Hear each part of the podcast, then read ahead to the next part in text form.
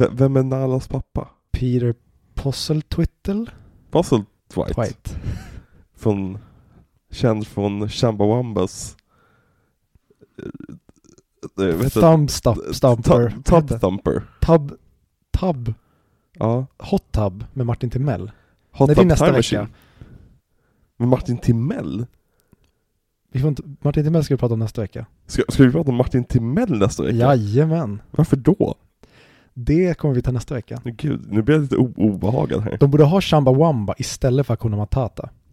V- Ist- vad betyder Shambawamba? Shamba, åh gud, det här läser jag ju på inför avsnittet när jag skulle prata om Shambawamba. Lyssna på det avsnittet istället. Det är väl uh, There Will Be Blood tror jag. När jag börjar gå för djupt in på den låten. Mm. Ja, Så hej. Viktor. Hej Axel. Vad gör du hemma hos mig? Livet är så orättvist. Ja, Jag. Jag blir aldrig kung. Becka ville inte att du skulle vara med idag. Nej, det Nej. vill hon verkligen inte. Nej exakt, hon, hon kastade ut det så vi kör hem hos mig idag istället. Ja, så Becka kunde, hon kunde verkligen inte vara med idag. Nej, hon vill exakt. inte att någon skulle vara med idag. Där. Hon sitter hemma och surar. Ja, hon bara sitter i en nedsläckt lägenhet. Mm. Ingenting igång. Kommer du ihåg de gamla busringnings, Eurocop-grej när det fanns någon som imiterade Göran Persson? Nej, det tror jag inte. Eurocop, vad var det för något? Det var, jag tror att det är Eurocop.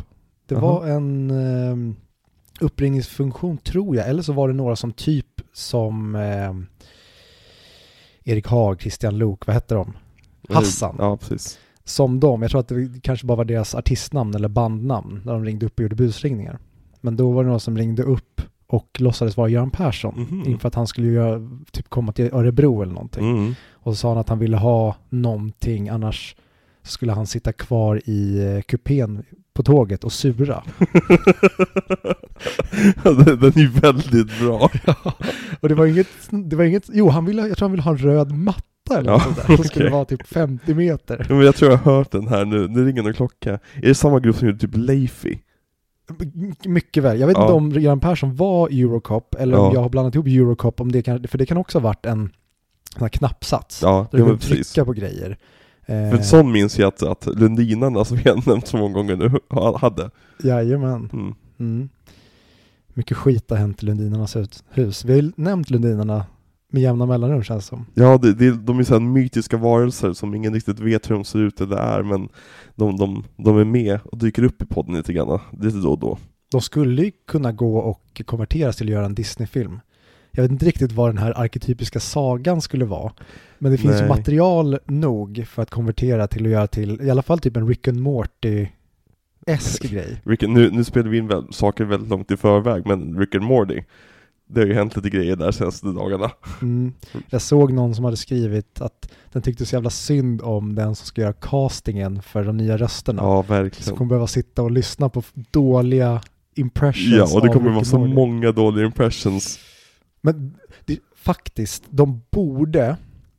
Nu tror jag inte det är det som är problemet, just rösten. För det, det känns som att AI borde kunna lösa det idag. Ja, Men de skulle kunna hitta någon som är svinduktig på att imitera så att det låter exakt som dem. Men det är inte det som är problemet. Det är Nej. ju att man faktiskt ska få ut Rick and Mortys karaktärer genom de här och det är ju svårt att och han, ju skriva. en, han var ju väl en av de största skaparna inom Rick and Morty liksom. Ja. Jesper Roiland. För den som inte vet så, han, han har fått sparken. Han har fått sparken med tydliga besked. Med tydliga besked. Han fick ingen guldklocka, han fick gå på dagen, han fick packa upp sin låda och gå. Eh, vi behöver inte gå in på varför, eh, vi kommer att prata nog om otäcka män eh, i nästa veckas avsnitt. Tydligen. För vi ska prata om Martin Timell. Tydligen. Inte Som för- vars fru har gått in i en dörr. För övrigt, jag kan rekommendera alla, gå in på YouTube och sök på specialisterna Martin Timell. Tvådelat. Där de driver om Martin Timell och att hans fru har gått in i en dörr. Okej. Det slutar med att Martin Timell och Anders Timell ringer upp och hotar de här Vänta, men det här har jag också hört. Jag tror jag nämnt det i någon podden ja, tidigare. jag tror det också. Det är väldigt roligt för han ringer upp och så, eller de pratar om det och sen så typ när det är del två, Mm. då säger han då som har sagt att du kommer aldrig tro vad som har hänt till den andra poddkollegan. Och då spelar han upp röstmeddelandet i podden. Och då säger Martin Timell att om du tror att du kan gå runt och säga att jag har slagit min fru, då tror du fel. Du kommer inte komma undan mig. Ingen kommer undan mig. Anders Timell, han, han höll ju på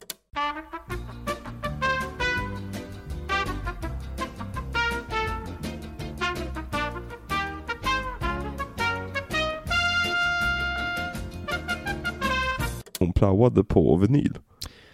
Jag har hört det där om nu i två generationer, Mm. eller till och med tre generationer. Jag har hört det från massa olika, att det, han verkar ju vara liksom expert på det där. Och han blev väl typ halvcancelled? Ja, tur. precis. Jag att han, han var en av de här smarta personerna som såg att när det började blåsa så satte han på sig jacka om man säger så, och Mm. drog sig ur rampljuset. För han var ju med på liksom, han var ju med i morgonprogram och grejer. Eh, så han, han, han har ju stepped out of the limelight. Mm. Eh, antagligen för att undvika att bli ordentligt metooad. Liksom. Ja, han är inte med, för han var ju på Gry Forssells radio va? Exakt, nu, nu marknadsförs den ju bara med Gry väl? Eller? Nej, jag vet att det är flera, jag brukar se på tunnelbanan, Okej. också säger så mycket om de som är med där. Ja. Att man inte minns ett enda ansikte på hela Var inte radion. Alex Schulmans ett stående inslag där? Jo, jag tror Sigge också var med. Mhm. Att de typ, om de gjorde det tillsammans eller varandra, något sånt där var det ett tag när Mm. de precis hade blivit populära. Mm. Innan de blev för stora för radio. Väldigt märkligt. Mm. Välkomna tillbaka till Audio Videoklubben. Vilken, vilken skulle man ta?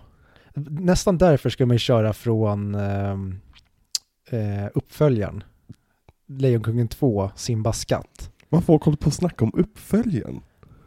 Hur går den då? Na, na, na, na, na, na, na, na, na, na, na, na, na.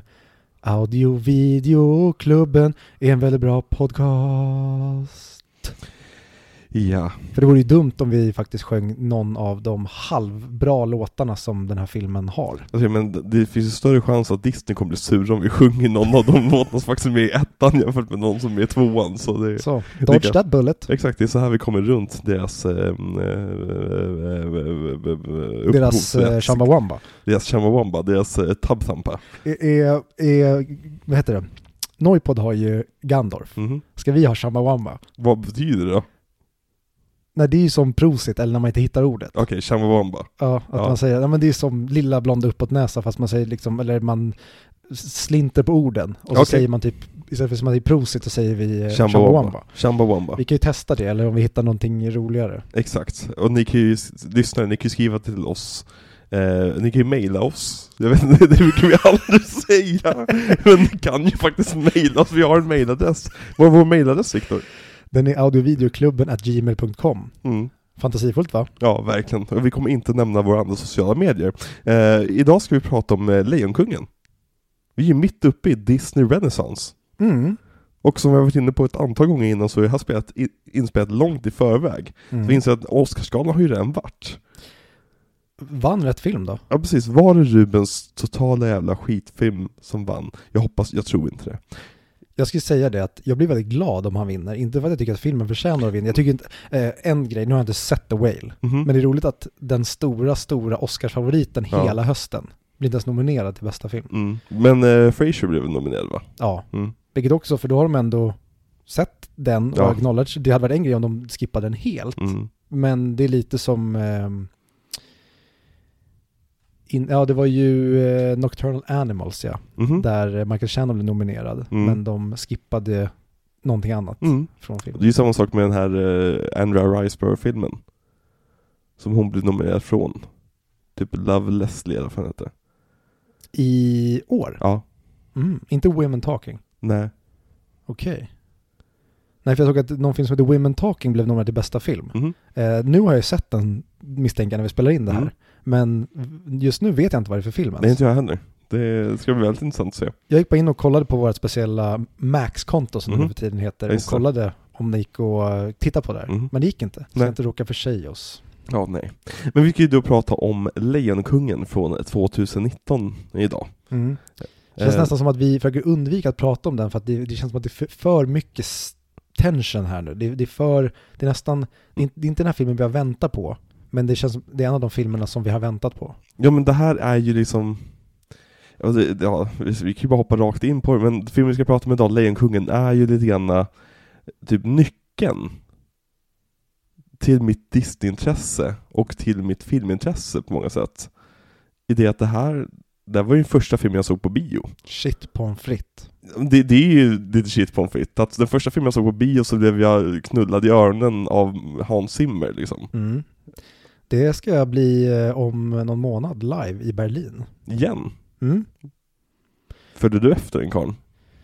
Ja, för att jag har hört rykten om att han ska vara en snusgubbe och jag gillar ju sånt. Mhm. Nej, men eh, Fredrik Billberg som eh, alla som har lyssnat på Avengers-avsnittet eller 100 Mick känner till. Fredrik E. Lind- Lindberg, så är det? Fredrik E. Lindberg. Det låter som en brorsa till Fredrik Lindström. Exakt. Eller att han har bara ett jättedåligt alter ego. det låter väl inte alls som en brorsa till honom i och med att det är sällan bröder har samma förnamn men inget annat med gemensamt. Jaha, nej för min lillebror heter ju Viktor. Östermar Landeborg. Landeborg. Mm. Mm. Lindeborg, Landeborg låter som så här grannstad till Ankeborg. verkligen. Ja. Och det skulle man kunna säga att Lidvägen 43 där jag är uppvuxen var. Det Ja, var ju som ett, det, det, nästan, det hade kunnat ligga grannhus med Gustav Svensson i Svensson Svenssons hus. Alltså ni gick runt utan byxor. Det gjorde ni, precis som Ankeborg. Ja, och jag älskar för övrigt det uttrycket. För det har jag fått höra av tjejer genom uppväxten att det finns ingenting osexigare. Jag vet bara att en har upplevt det här, men när Mhm. de i alla fall har tänkt på det. Att de säger att det finns ingenting osexigare än om en kille skulle köra Ankeborg. Mm. Och jag kan verkligen hålla med om det. Det låter, det är nästan som att skulle man, skulle Chris Hemsworth göra det, Mm. då skulle han bli åtta år igen. Ja men så här, om, det, det ska vara en, en t-shirt som hänger lite grann också. Mm. Så, så, så att liksom kuken sticker fram, inte som man ser hela paketet. Ja, mm. Mm. väldigt, väldigt mogna samtalsämnen vi pratar om i dagens avsnitt av Nörden och jag tänkte säga, men det är inte alls det. Jag har lyssnat lite grann på deras podcast, jag har deras namn i huvudet. Eh, vad heter vi? Audio videoklubben heter vi. Hej, Heter vi det? Vi är en bra podcast. Nej, AV, Säger de i alla fall. AV-podden. AV, nej, nej. AV-podden. Nej men vi pratade ju om att vi skulle heta AVP. Ja precis, som Alien vs Predator. Precis, och då skulle ju det bli, i alla fall när vi spånade, det skulle Mhm. bli någon slags skämt om att vi inte pratar om Alien vs Predator varje vecka. Mm. Men vi har typ inte nämnt Alien vs Predator knappt någon gång. Nej, knappt det- i Alien-avsnittet heller. Alltså vi, vi grundtanken var ju att det skulle heta audio, nej Alex och Viktor podcast. Och så blev det audio video podcast. Och sen så skulle vi skapa typ så här sociala medier-konton. Och då valde vi att våra sociala medier-konton skulle heta klubben för en anledning. Men så blev det så att vi tyckte att audio video-klubben lät bättre. Och då började du sjunga på audio video bra affär. Och sen så var det som satt. Mm, och sen gick de i konkurs och vdn jagar oss fortfarande. Ja, och det är inte vårt fel att de gick i konku- konkurs. Vi har bara skickat vår podcast tillbaka i tiden. Mm. För att sänka de jävlarna. Ska vi- att de, Ska vi skita i att lägga upp det här och så sparar vi det till framtiden när vi eventuellt pratar om Tillbaka till framtiden. För då har vi gjort ett jättebra inledningssegment. eller när vi pratar om Tenet. Ja, det kan vi göra. Ja, Så gör vi inte det. så gör vi inte det. PPPPPP. Okej. Vad har hänt sen sist då? Vad har hänt sen sist? Ehm, Disney, De det här ja. lilla företaget. Mm. De har ju blivit lite varma i kläderna nu kan man ju säga. Har de Eh, fått hår på snoppen tänkte jag säga. de, de har ju, alltså de har ju fått hår på stoppen flera gånger känns som, men, men nu har de fått hår, de rakade av allting och så nu har det börjat växa tillbaka. Okej, det var en jättedålig metafor. Jo men som en man. Som en vadå sa du? Som en man. Som en man? Som en lejonman. Jaha, jag trodde, jag trodde du försökte säga ordet man på ett väldigt konstigt sätt bara. Som en man. Exakt. Alexander du är ju en man och du tycker ju om en kvinna. Kvinnor. Ja. Queena.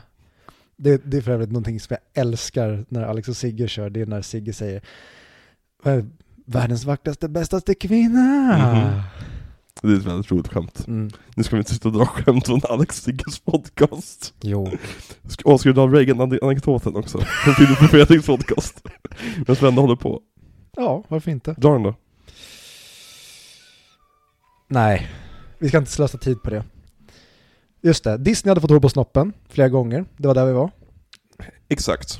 Och Ronald Reagan går ju då in i sitt kontor då där de bor. Och han går fram till akvariet som de har inne på kontoret. På Disney. Stoppar ner handen i akvariet och plockar upp någonting. In kommer då Nancy Reagan. Ser att hans arm är helt blöt och säger Ronald, vad har du gjort min älskade? Ronald vänder sig om och sträcker fram handen mot Nancy. Han öppnar den genomvåta handen och i den ligger en liten, liten modell av det vita huset. Nej, ut- li, lite modell av Lejonklippan. Förberett affärstankar åt en fred här. Och då säger någon någonting. Fuck, vänta vad säger de? Nancy säger, vad är det där för något? Nej nej nej nej, han har inte alls öppnat upp handen, spola tillbaka bandet. Han, Har du sagt att han är senil? Det vet Fan det kanske går bra ihop. Eh, Han är president. Så står han står kvar. Det hade ju funkat på Joe Biden i och för sig.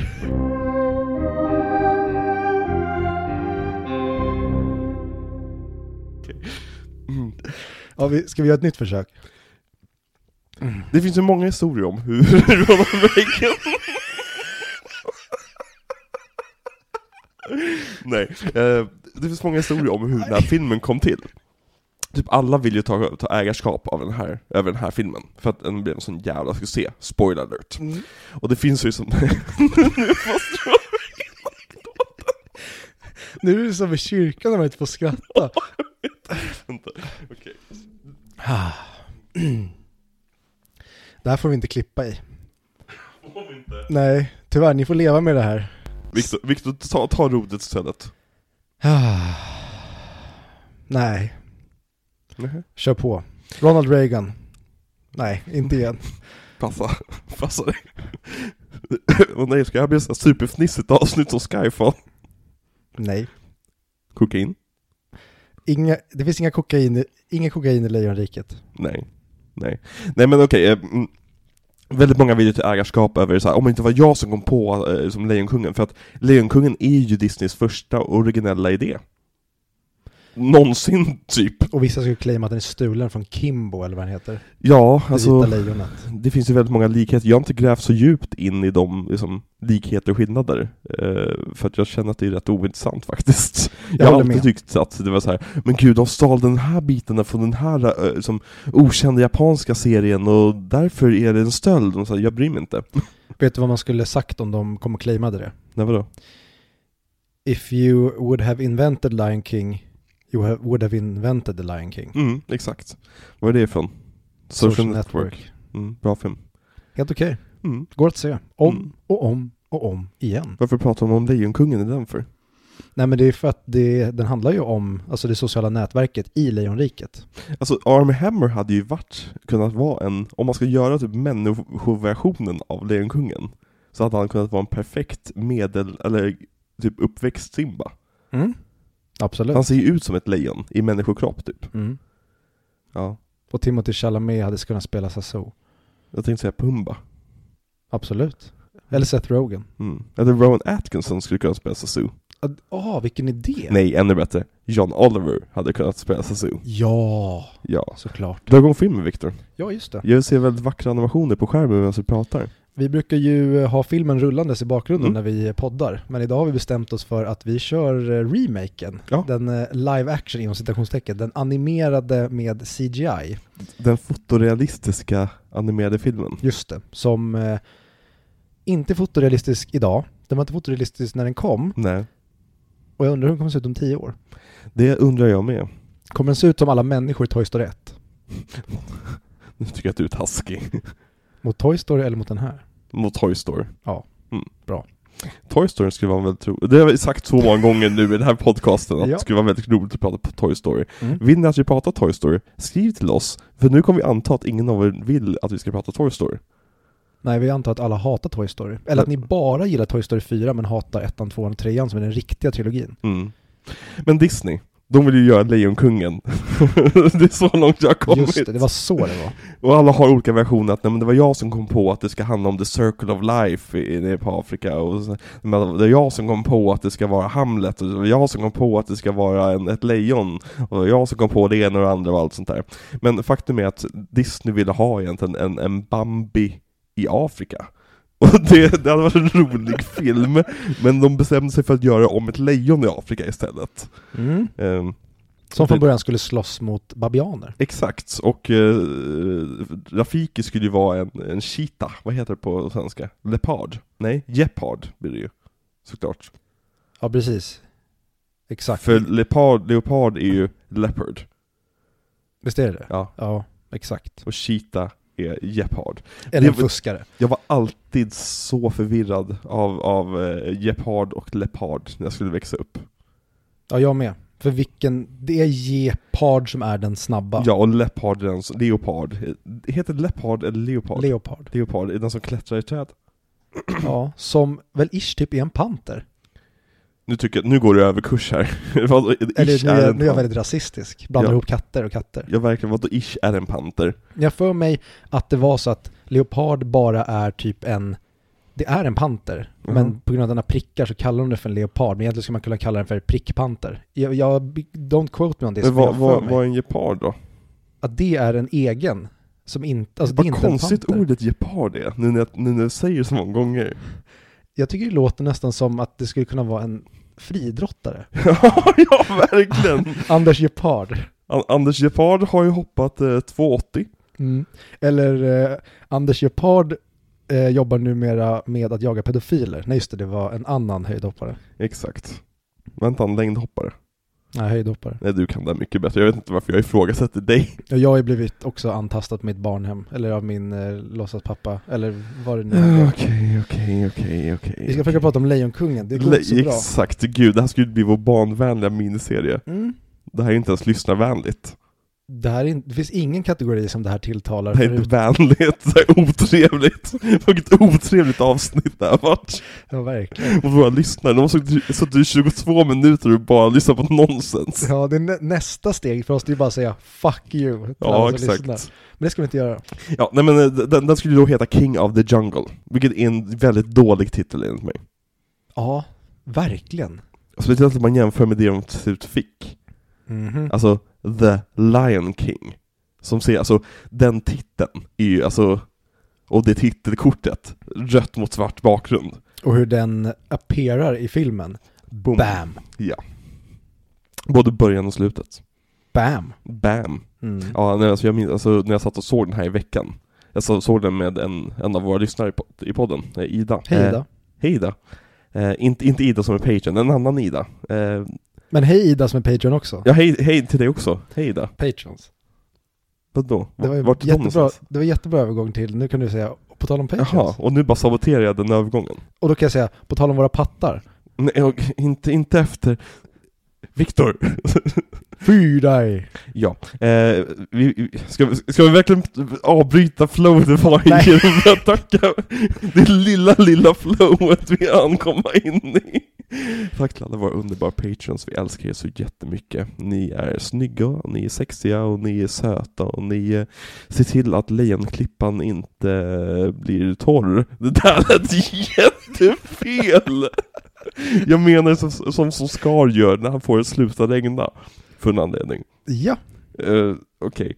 Och även tack till våra klubbare, de vanliga lyssnare. Tack för att ni likar våra inlägg på Instagram och Facebook och Twitter. Och tack för att ni lyssnar på den här podcasten. Ni är söta och ni är sexiga och ni är snygga men ni kanske gör så att klippa med torr ibland. Men jag menar, vad fan ska ni göra? Ni är ett lejon. klippan är torr. Det är taglinen till det här avsnittet. Har, har, jag, har jag fått det där i vägen nu? Är du nöjd nu? Ja men är, är våra lyssnare nöjda? I våra ja, lyssnare? det är de. Ja. Jag såg den här med min kompis Ida som även lyssnade till podden. Och hon, och det första som händer när filmen drar igång med som Natruganja Det är att bara, bägge två får gåshud på en gång, som, som en Pavlovsk reflex. Bara poff! Det är det första som händer, och sen sitter man där, i- det känns som typ en timme, men det är typ tre minuter, två minuter. Och så kommer titelkortet bara med en smäll. Och det är, alltså, är det det bästa introt som någonsin gjorts? Mycket, mycket, mycket möjligt. Alltså det är ju uppe och tävlar där med Star Wars-intron.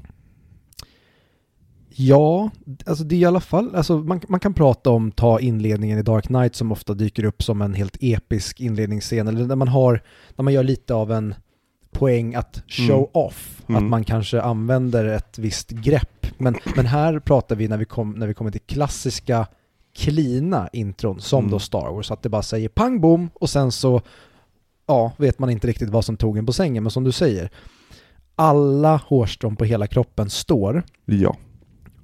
och nej, vi kommer in på det lite senare. Mm. Men den här filmen har börjat göra någonting för mig som den inte har gjort tidigare, Mm. eh, sen ett par år tillbaka. Men vi kan komma in på det sen. Eh, nej men sagt, den här skrevs ju på in under väldigt, väldigt, väldigt lång tid. Jag tror ända från typ 87 har jag för mig, det läste någonstans, att de höll på att skriva på den. Men eh, det, som, det största delen av manuset skrevs under eh, två veckor. Där de liksom gick igenom och liksom fick in alla karaktärer, de gjorde liksom Scar till skurken, de liksom satte alla de här små sakerna på plats. Där någon helt plötsligt hade, oj jag läste en skitbra Shakespeare-bok här. Eh, Jo men det, det, det var någon som faktiskt, eh, så som den, folk brukar säga att det här är Hamlet, den här filmen. Den är ju bara Hamlet-storyn rakt av, vilket det praktiskt taget är. mm. Eh, och det upptäckte de efter ett tag, när någon påpekade att hörni, det här är ju Hamlet. Och deras reaktion var, var inte, vi tar bort massa saker, utan okej, då gör vi mer till Hamlet då. Mm. Och liksom bara lägger på fler saker, för att blanda in saker med Moses och grejer.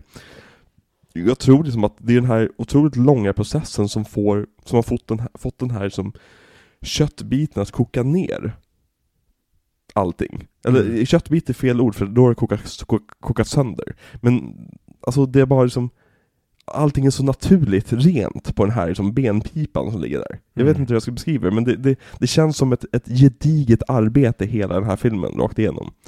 Jo men det här skulle jag säga är ett av de absolut stora verken, alltså när det kommer till film. Det här är någonting som, det är inte bara en film det här, utan det här är typ en manual som talar till oss som apor på savannen för 40 000 år sedan. Jag, skulle, alltså, jag vill ju ta den här utöver film också. Alltså det här är ett av de stora verken. Punkt. Mm. Liksom, det, det, det är uppe där med Mozarts symfonier och liksom Da Vincis konstverk och ja, Mm. Michelangelos snoppar. Ja, Mm. exakt. Det var de jag tänkte på främst. Men m- manuset putsades ju li- lite mer på. Eh, man putsar ju typ ända fram, alltså även under animationen. Och jättemånga olika manusförfattare togs in. Så, Alltså creditblocket på den här filmen är ju enormt. Det har ju typ 17 producenter liksom. Eh, men Billy Bob Thornton och Joss Whedon togs in som manusförfattare för att rensa upp i manuset. Oj, oj, oj. Billy Bob Thornton, jag visste inte ens ens att han var manusförfattare. Inte jag heller. Nej. Men Joss Whedon, han, han är en sån person som, han, han, han, han har ju också en tidsmaskin. Han, han lånar David Harbors tidsmaskin för att sätta in sig själv i saker som han inte alls var med i tidigare. Mhm. Men så fort han blev känd så blev han med i massa saker. Mm. Som Toy Story till exempel. Och när de skulle dra igång animationen för den här filmen så var det ju ett annat projekt på Disney Studios som var väldigt hett. Och det var ju då projektet Pocahontas. Och det ansågs ju vara lite mer av prestigeprojektet, för det skulle ju bli en till Skönheten och Odjuret, lite grann, som vi kommer gå in på nästa vecka. Så den drog ju till sig alla de bra animatörerna. Så hela Lejonkungen-projektet såg lite grann som det här är de, de dåliga, det här är B-teamet som gör. Ja, eller de som typ aldrig hade fått vara första animatör, utan precis. typ assistenterna fick nu steppa upp. Mm. Och eh, det vet ju alla som någon gång har sett en eh, typ sportfilm Mm. där stjärnan blir skadad och att nu får äntligen någon reserv chansen att ibland så är det jävligt, jävligt bra att peta stjärnan och den här Mm. gången så behövde de inte ens peta stjärnan utan stjärnan drog av sig själv och så kom Exakt. talangerna fram. Stjärnan gick och gjorde en film. Medans, Jag förstår Ny- inte metaforen. medans nybörjarna gjorde ett mästerverk. Mm. Så Viktor, vad har du för relation till den här filmen? Jag tror jag ska säga, vad handlar den här filmen? Nej, det tänkte jag nästan säga, men så kom på att vi inte pratat om din relation till den här filmen. Min relation till den här filmen är främst att jag har lyssnat på kassettbandet. Mhm. Men jag har en mycket starkare relation i barndomen till Lejonkungen 2 och även till eh, tv-serien Timon och Pumba. För jag vill minnas att jag tyckte att den här var ganska tråkig eller mörk när den, den, den fanns i periferin. Men jag tyckte att typ Timon och Pumba tv-serien och tvåan var mycket roligare för de var mycket mer publikvänliga tyckte jag då. Mm. För att den här är ju väldigt mycket allvarligare än Ja. vad de andra är. Så att jag såg inte den svinmycket som barn. Det är klart jag Speciellt såg. Timon och Pumba tv-serien. Ja, och den har ju väldigt mycket rolig humor. Mm. Alltså verkligen humor som funkar även för vuxna. Mm. Ta till exempel att, ja men när de blir som eh, när Viktor Engberg gästade 100 Mick och pratade om Lejonkungen, då berättade han om skämt till exempel att de ramlar ner i en liten sjö och så blir Mhm. de bitna av pirayor. Och så kommer de upp och då är de ju sönderbitna men istället för då, de har inga kläder på sig Mm. utan då är det ju deras päls som är sönderbiten. Mhm. Och under pälsen då så har de ju vanlig hud Mm. och de har även på sig underkläder så de har ju Mhm. typ hjärtkalsonger på sig. Och så säger typ Timon att vad fan kunde ingen sätta upp en skylt om att de varnar för pirayer? Och säger Pumba Ja du menar som den där? Och så är det skylt där det står varning för pirayer. Så bara, nej nej nej, jag menar en stor skylt där man verkligen ser vad det står.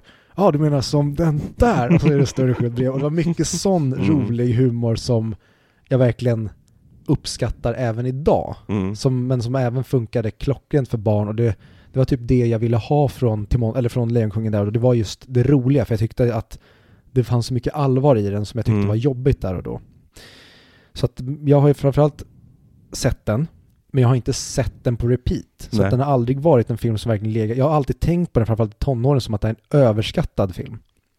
Att nej men den är ju typ, den är bra men Mhm. den är typ en, en fyra av fem. Det är så Mm. jag har tänkt på den. Och sen framförallt i vuxen ålder så har jag lärt mig att uppskatta det som jag i mitt huvud tänkte inte var så bra. Mm. Så det är typ så. Och idag så håller jag den som du precis sa, som ett av de absolut stora verken Mm. i modern tid. Du då? Alltså, som jag var inne på, det är den första filmen jag såg på bio. Det är ju sinnessjukt. Ja. Det är ju nästan, ja det spelar ju ingen roll, men om att ha den, det är nästan som man ska gå runt med någon slags badge i sin rock Mm. och skriva det, för det är verkligen, det, alla skulle vara avundsjuka om de såg den pinnen. Nej men alltså, fatta att min första, första kontakt med det här underbara att liksom sitta i biomörkret och se en gigantisk duk och liksom få det här bästa ljudet inpumpat i mig, det var till Lejonkungen, jag är så tacksam över det. Ja. För, Så. alltså, ja. Nej, men för, och det här var också en, en solklar favorit för mig även hemma, för den hade vi på VHS, och jag hade skivan som jag lyssnade på om och om och om igen, där även liksom soundtracket fanns med. Det fanns typ fem låtar, alltså låtar när de sjunger, och sen så också fyra låtar från soundtrack, det är från scoret. Mm. Ehm, och den lyssnade jag på på repeat, alltså den, när plupparna i, i centern på CD-skivefodralet hade Mm. gått av för länge sedan liksom. Mm. Eh, och VHSen gick ju, ja, på repeat. Den, den gick så pass mycket på repeat att jag kan, känna, jag kan känna igen de här små tonskiftningarna i, sound, i scoret och i soundtracket när VHS-bandet hade dålig kvalitet på ljudbandet. Du vet när, man- när man hör liksom mm. liksom när det går upp och ner. De, jag kommer ihåg vart de sitter någonstans i filmen. Så ja, jag har sett den här filmen några gånger va? Jaså? Och det här var min absoluta favorit ända fram tills jag upptäckte kanske Star Wars och Sagan om ringen och Harry Potter och växte ifrån lite grann. Men den har alltid liksom legat mig varmt om hjärtat som jag har lyssnat på, på soundtracket, fortsatt och så vidare. Men sen så blev man ju filmnörd någonstans där, när man var 13-14. Man började se jättemycket filmer och började framförallt läsa om filmer. Och så var det väldigt mycket att folk pratade just om Lejonkungen som liksom den stora Disney-klassikern. Och tänkte så här, ja men den minns jag väl, men var den verkligen så bra? Mm. Och varje gång jag såg om den så var det så här, ja, den var så bra. Och den är, ja, vad ska man säga? Jag var, försökte hitta det ordet i förra veckans avsnitt också, men så elemental. Alltså den är grundläggande. Det är en byggsten i popkulturen. Mm. Den hör hemma bredvid Beatles. Liksom den, den hör hemma liksom, bredvid, liksom, tänkte säga Birth of a Nation, men det är kanske är fel film att jämföra med Men, eh, Citizen Kane. Liksom, Mm. d- Utan Lejonkungen så, så finns inte den moderna filmvärlden. Och eh, ja, det är lite grann min relation till den.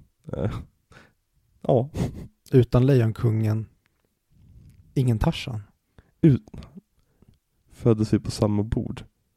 En känsla utan duk. Mm. Kan man säga. Ja. Mm.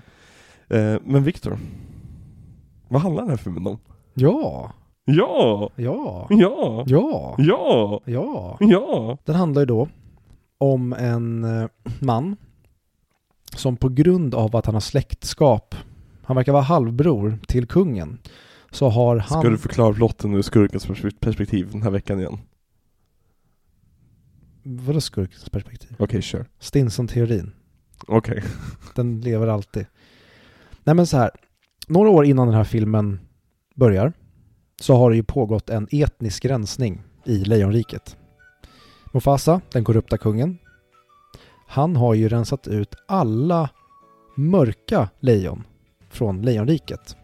Han har även kastat ut eh, hyenorna som var väldigt trogna, väldigt schyssta och ja, men bara var en fin del av Lejonriket helt enkelt. Men han behöll ju såklart sin bror, eller hans halvbror rättare sagt, för att deras pappa låg ju med en svart Vänta, är, kvinna. är, är Scar bara en halvbror? Jag vill påstå det, Jaha. för att de är så olika varandra.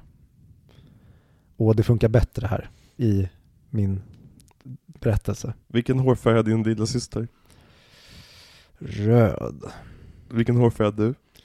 blond, Vilken hårfärg har din brorsa? Typ råttfärgat. Carry on. Som för övrigt jag har nämnt tidigare, men att Mm. min lillebror blev ledsen när vi var små. Vi skämtade, eller min mamma framförallt skämtade om att hon hade legat med brevbäraren. Det var därför min lilla syster var rödhårig. Men det är precis det som har skett i Lejonkungen och inte på Lidvägen 43. Exakt. Då har vi fått det sagt. Varför ger du adressen hela tiden för? För att jag bor inte där längre. Och ingen bor där längre tänkte jag säga, men ingen i min klan, i mitt. Det, det är inte min lejonklippa längre. Nej. Vad är din ny, nuvarande lejonklippa? Jag bor ju i djungeln och käkar eh, massa, massa, massa med insekter med Mm. Timon och Pumba. Och barr. Så att man inte luktar rök. Ja, exakt. Mm. Men vem vill kyssa en julgran? Ja, du. Vad handlade filmen om? Vart var det någonstans? Etnisk rensning? Just det, det var så det var. Nej men så att eh, filmen börjar då ett par år efter att den etniska rensningen har skett och vi får då se den här korrupta kungens nyfödda son. De ska ha dop för honom. Så att hela, egentligen landet kommer såklart under tvång, under pistolhot. För att då tacka och ta emot när Hitlers son ska... Hitler? Mufasa Hitler. Är, är, okej. är vi nu på Gustav Schwarzenegger igen? Han går nog att klämma in här någonstans. Hitler, spara på Hitlerkrutet. Vi kommer prata om Hitler nästa vecka, tro mig. Okej, då tar vi Hitler nästa vecka. Det här är Stalin. Så, Okej. då gör vi den istället. Eh, men Stalins bror då? Eh, Jonas Stalin, han, han, han får ju då, eftersom, i och med att han är hjälten, så får ju han filmens första line. Och han berättar ju för oss att livet är ju väldigt orättvist. För att han blir aldrig kung. Mhm. Och det var ju för att, från början var det ju han som var tilltänkt att bli kung, men den korrupta kungen Mufasa tog ju tronen ifrån honom. Mhm. Så det handlar då om hur den riktiga kungen ska ta tillbaka tronen från den här vita mannen. Man... Vita, förlåt, jag går alldeles för mycket in på den riktiga storyn bakom det här, alltså berättelsen om Stalin. Okej. Fast svarta Stalin. Ja, jag vet inte riktigt vad du... Du, du vred till med dina metaforer där du kan. Nu, Det känns som du är vilsen. inte alls. Jag vet exakt vart jag befinner mig. Det är kolsvart, jag är blind, jag har inga ben eller armar, men jag vet exakt vart jag befinner mig. Okej, fortsätt. Och eh, han kommer då på den här briljanta planen att han tar ju då några av de här utstötta, väldigt trogna, gamla statstjänstemännen, hyenorna, Okej. och då bestämmer sig för att men vi ska se till att jag får tillbaka tronen. Mhm. Och han vill det här så mycket att han inte tänker på att han också måste plugga någon slags statsvetenskap så att han kan ha hand om landet sen när han väl har tagit över. Okej. Och det är där problematiken kommer in. För att han lyckas ju på ett väldigt snyggt och ganska schysst sätt. Han dödar ju kungen som är den onda, men han är jävligt schysst mot hans son. För att Mhm. han skulle lika gärna kunna döda sonen också, alltså arvsynd och allt det här. Mm. Men han säger till honom att "Ja, men, stick härifrån till ett jätteschysst ställe där borta där du kan leva lycklig alla dina dagar. Mm. Och så gör han ju det. Och så tar ju han då, den svarta Stalin, han tar ju makten över det här stället och ska ju då göra det här till en väldigt fin plats där hyenorna också ska få plats. Mm. Men han går ju precis som den moderna feministen, kanske lite för långt. Så att han vill ju bestraffa lejonen. Och därför så råkar han gå lite för hårt in i det här och det slutar med att hela staten faller sönder. Och det är bara han och hyenorna, de här gamla statstjänstemännen som lever kvar. Men det finns inte så mycket kvar så att det blir nästan som när liksom, Sovjet faller kan man säga. Och det är tråkigt att man ska behöva jämföra en liksom väldigt totalitär diktatur med när det bara är en väldigt fin man som är rättmätig arvinge till tronen ska försöka få alla att bli inkluderade. Och sen såklart så kommer den här snorungen som han skonade, var schysst och skonade och skickade iväg till en typ, ja men ner till eh, Maldiverna eller någonting. Han kommer ju hem när han känner sig trött på att käka banan och bada i korallrev. Han kommer ju tillbaka och dödar svarta Stalin. Mm.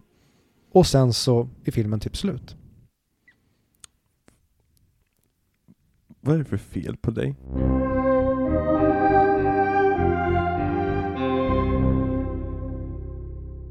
Precis, och för er som då skulle ha sett någon annan version som inte jag har sett Mm. så handlar det då egentligen om, det är så tydligt hjältemyten som det bara kan bli. Mm.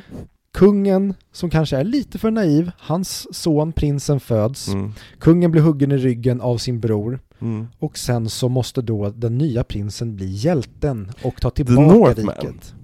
Exakt. Exakt, Alexander Skarsgård. Mm, förutom att man inte ligger med sin mamma. Gjorde han det i filmen? Nej men han var på väg Ja. tills hon tappade det fullständigt. Som visade sitt ansikte. Ja exakt. Åh. Jag Ja. älskar Northman. Det är fortfarande min så här, årets bästa film. Mhm. Det har varit ett riktigt skitår för film, tycker jag. Hittills. Jag tycker att det börjar jobba upp sig för nu har jag sett alla bästa, nu så har vi sagt, vi spelar in det här Mm. långt i förväg, men nu har jag sett alla bästa filmnomineringar utom Women Talking som jag inte vet Mm. vad det är för film. Och du tycker inte om, du, du tycker inte att vi, kvinnor ska få prata? Så- Nej det är därför jag bojkottar den. Exakt, så den filmen tänker inte du se. Women Talking, det är som att en filmtitel skulle vara bara blank, för jag vet inte vad kvinnor pratar innebär. Exakt, det är som en normal person skulle få en film levererad till sitt knä som heter typ Ja. Nej det Det, är där kommer jag blipa ut, för det här blev jättemörkt. Vi skulle vara den, det här skulle vara den barnvänliga miniserien Viktor, vad fan, jag skulle vara folks start, startpunkt på att lyssna på den här podcasten. Men det här, alltså hur vi beter oss i den här miniserien, Ja. det är ju bara egentligen en metafor för hur barnfilm ska vara. Det ska vara mörkt och lite barnförbjudet för det är då den verkligen känns. Jag skulle säga att den här, hur vi har betett oss i den här miniserien har varit typ så här mikrokosm av hur podden egentligen funkar.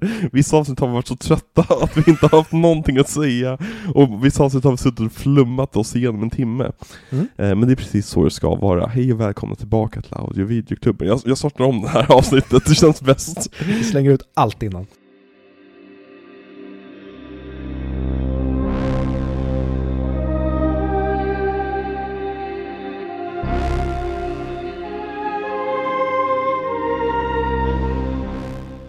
Hej och välkomna tillbaka till audio och videoklubben. Igen? Idag, ja, om du avbryter men nu måste jag göra om det igen.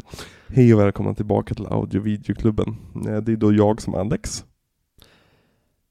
Och då måste jag köra Audio-videoklubben. Det är en podd som är bra. Audio och videoklubben Gör att- man blir glad. Är han göteborgare på svenska versionen? Äh, Ja, det är någonstans nere i västkusthållet Ja. i alla fall. Som alltid så är det med massa göteborgare. Det kommer det även vara nästa vecka. Kommer det? Ja. Ja, istället för skottar. Ja, såklart. Eh, du, det kommer vara en hel färgpalett. Kommer en hel färgpalett? Eller det kommer en hel... Eh, Kommer de måla med alla vindens färger? Kanske det kanske. Jag ty- nej, nej. Var vi klara med avsnittet där eller? Ja, jag klarar av det. Ska vi prata om karaktärerna i den här filmen? Det kan vi göra. Mm. Vi har ju då Simba. Simpa. Mm. Nej, Viktor, nej. nej. Jag vet att du har lyssnat på Andrew Tate. Håll honom borta från den här podcasten. Nämn inte The Top G. Eh, no hablo español. Ja, exakt. Men Simba, på, eh, på den amerikanska versionen så görs ju hans röst av Matthew Broderick som vuxen. Mm. Mm. Som eh, blev eh, en av planetens största stjärnor när han spelade actionhjälte i Roland Emmerichs Godzilla. Mm. Och även när han körde ihjäl två personer på Irland. Ursäkta? Ja, han körde ihjäl två personer på Irland under inspelningen av Ferris Bueller har för mig. Eh, och som han typ mutade polisen i Irland att, att skriva undan. Eller var det Skottland kanske? England någonstans. Storbritannien menar jag, förlåt. Så det är han som de har baserat Succession på. Ja men, typ. Mm. Ish. Och för övrigt, eh, typ när det här släpps. Så börjar Just det. Succe- Succession säsong 4. Jag är så jävla taggad. Typ bästa tv-serien som gjorts hittills. Ja, det, jag är beredd att hålla med dig. Ehm, Och så, åh, så ska man få se om alla säsonger inför säsong 4. Det är nästan det bästa. hinner man det då? Ja, den serien går i ett nafs, Mm. som ett lejon skulle sagt. Det är en väldigt bra serie. Mm. Vilken är din favoritkaraktär i Su- Succession? Oj, vilket av alla mina barn älskar jag mest? Ja. Svar på frågan. Sophie's choice. Jag går och hämtar vatten. Hmm. Alltså det, det lättaste det är att säga Tom Wamsgams. Eh, men också skulle man kunna säga Roman, ja men de är så uppenbara för att de är de inom citationstecken roliga. Nej, man skulle säga, kunna säga Craig också. Eller är det Greg? Heter han Greg the Egg eller Craig the Egg? För de säger ju fel, men jag kommer aldrig ihåg vad han heter. Greg va? Och de säger Craig då och då. Just det, Greg the Egg. Ja, precis. Eh, nej men det är tråkigt att säga det, men det är ju Mufasa. Det är ju kungen han själv. Roy. Nej, vad säger jag? Roy, det heter med efternamn. Eh, Logan? Logan. Han, I mitt huvud heter han inte Logan, i mitt huvud heter han Roy. Jag menar Logan Roy, Mm -hmm. när han säger 'fuck off' Ja, typ vad, det. Vad, vad heter han som spelar Logan? Brian Cox. Jag blandar alltid, jag tänker att han ska heta Tom Wilkinson. För du vet vem Tom Wilkinson är va? Skådespelare. Mm. De har lik, liknande energi tycker jag. Ja, sure. Mm. Mm. Vad tycker du om Simba som karaktär? Oj, vad jag älskar honom. Typ. Fast jag hatar honom för att han är en liten spoiled brat. Men det är precis det han ska vara för att sen kunna vara allt det potential som finns inom honom. Nej men han är så jäkla charmig samtidigt som han är obnoxious på crack. Alltså han är så jävla arrogant och har den hybris som är så underbar att se sen när det biter honom i arslet.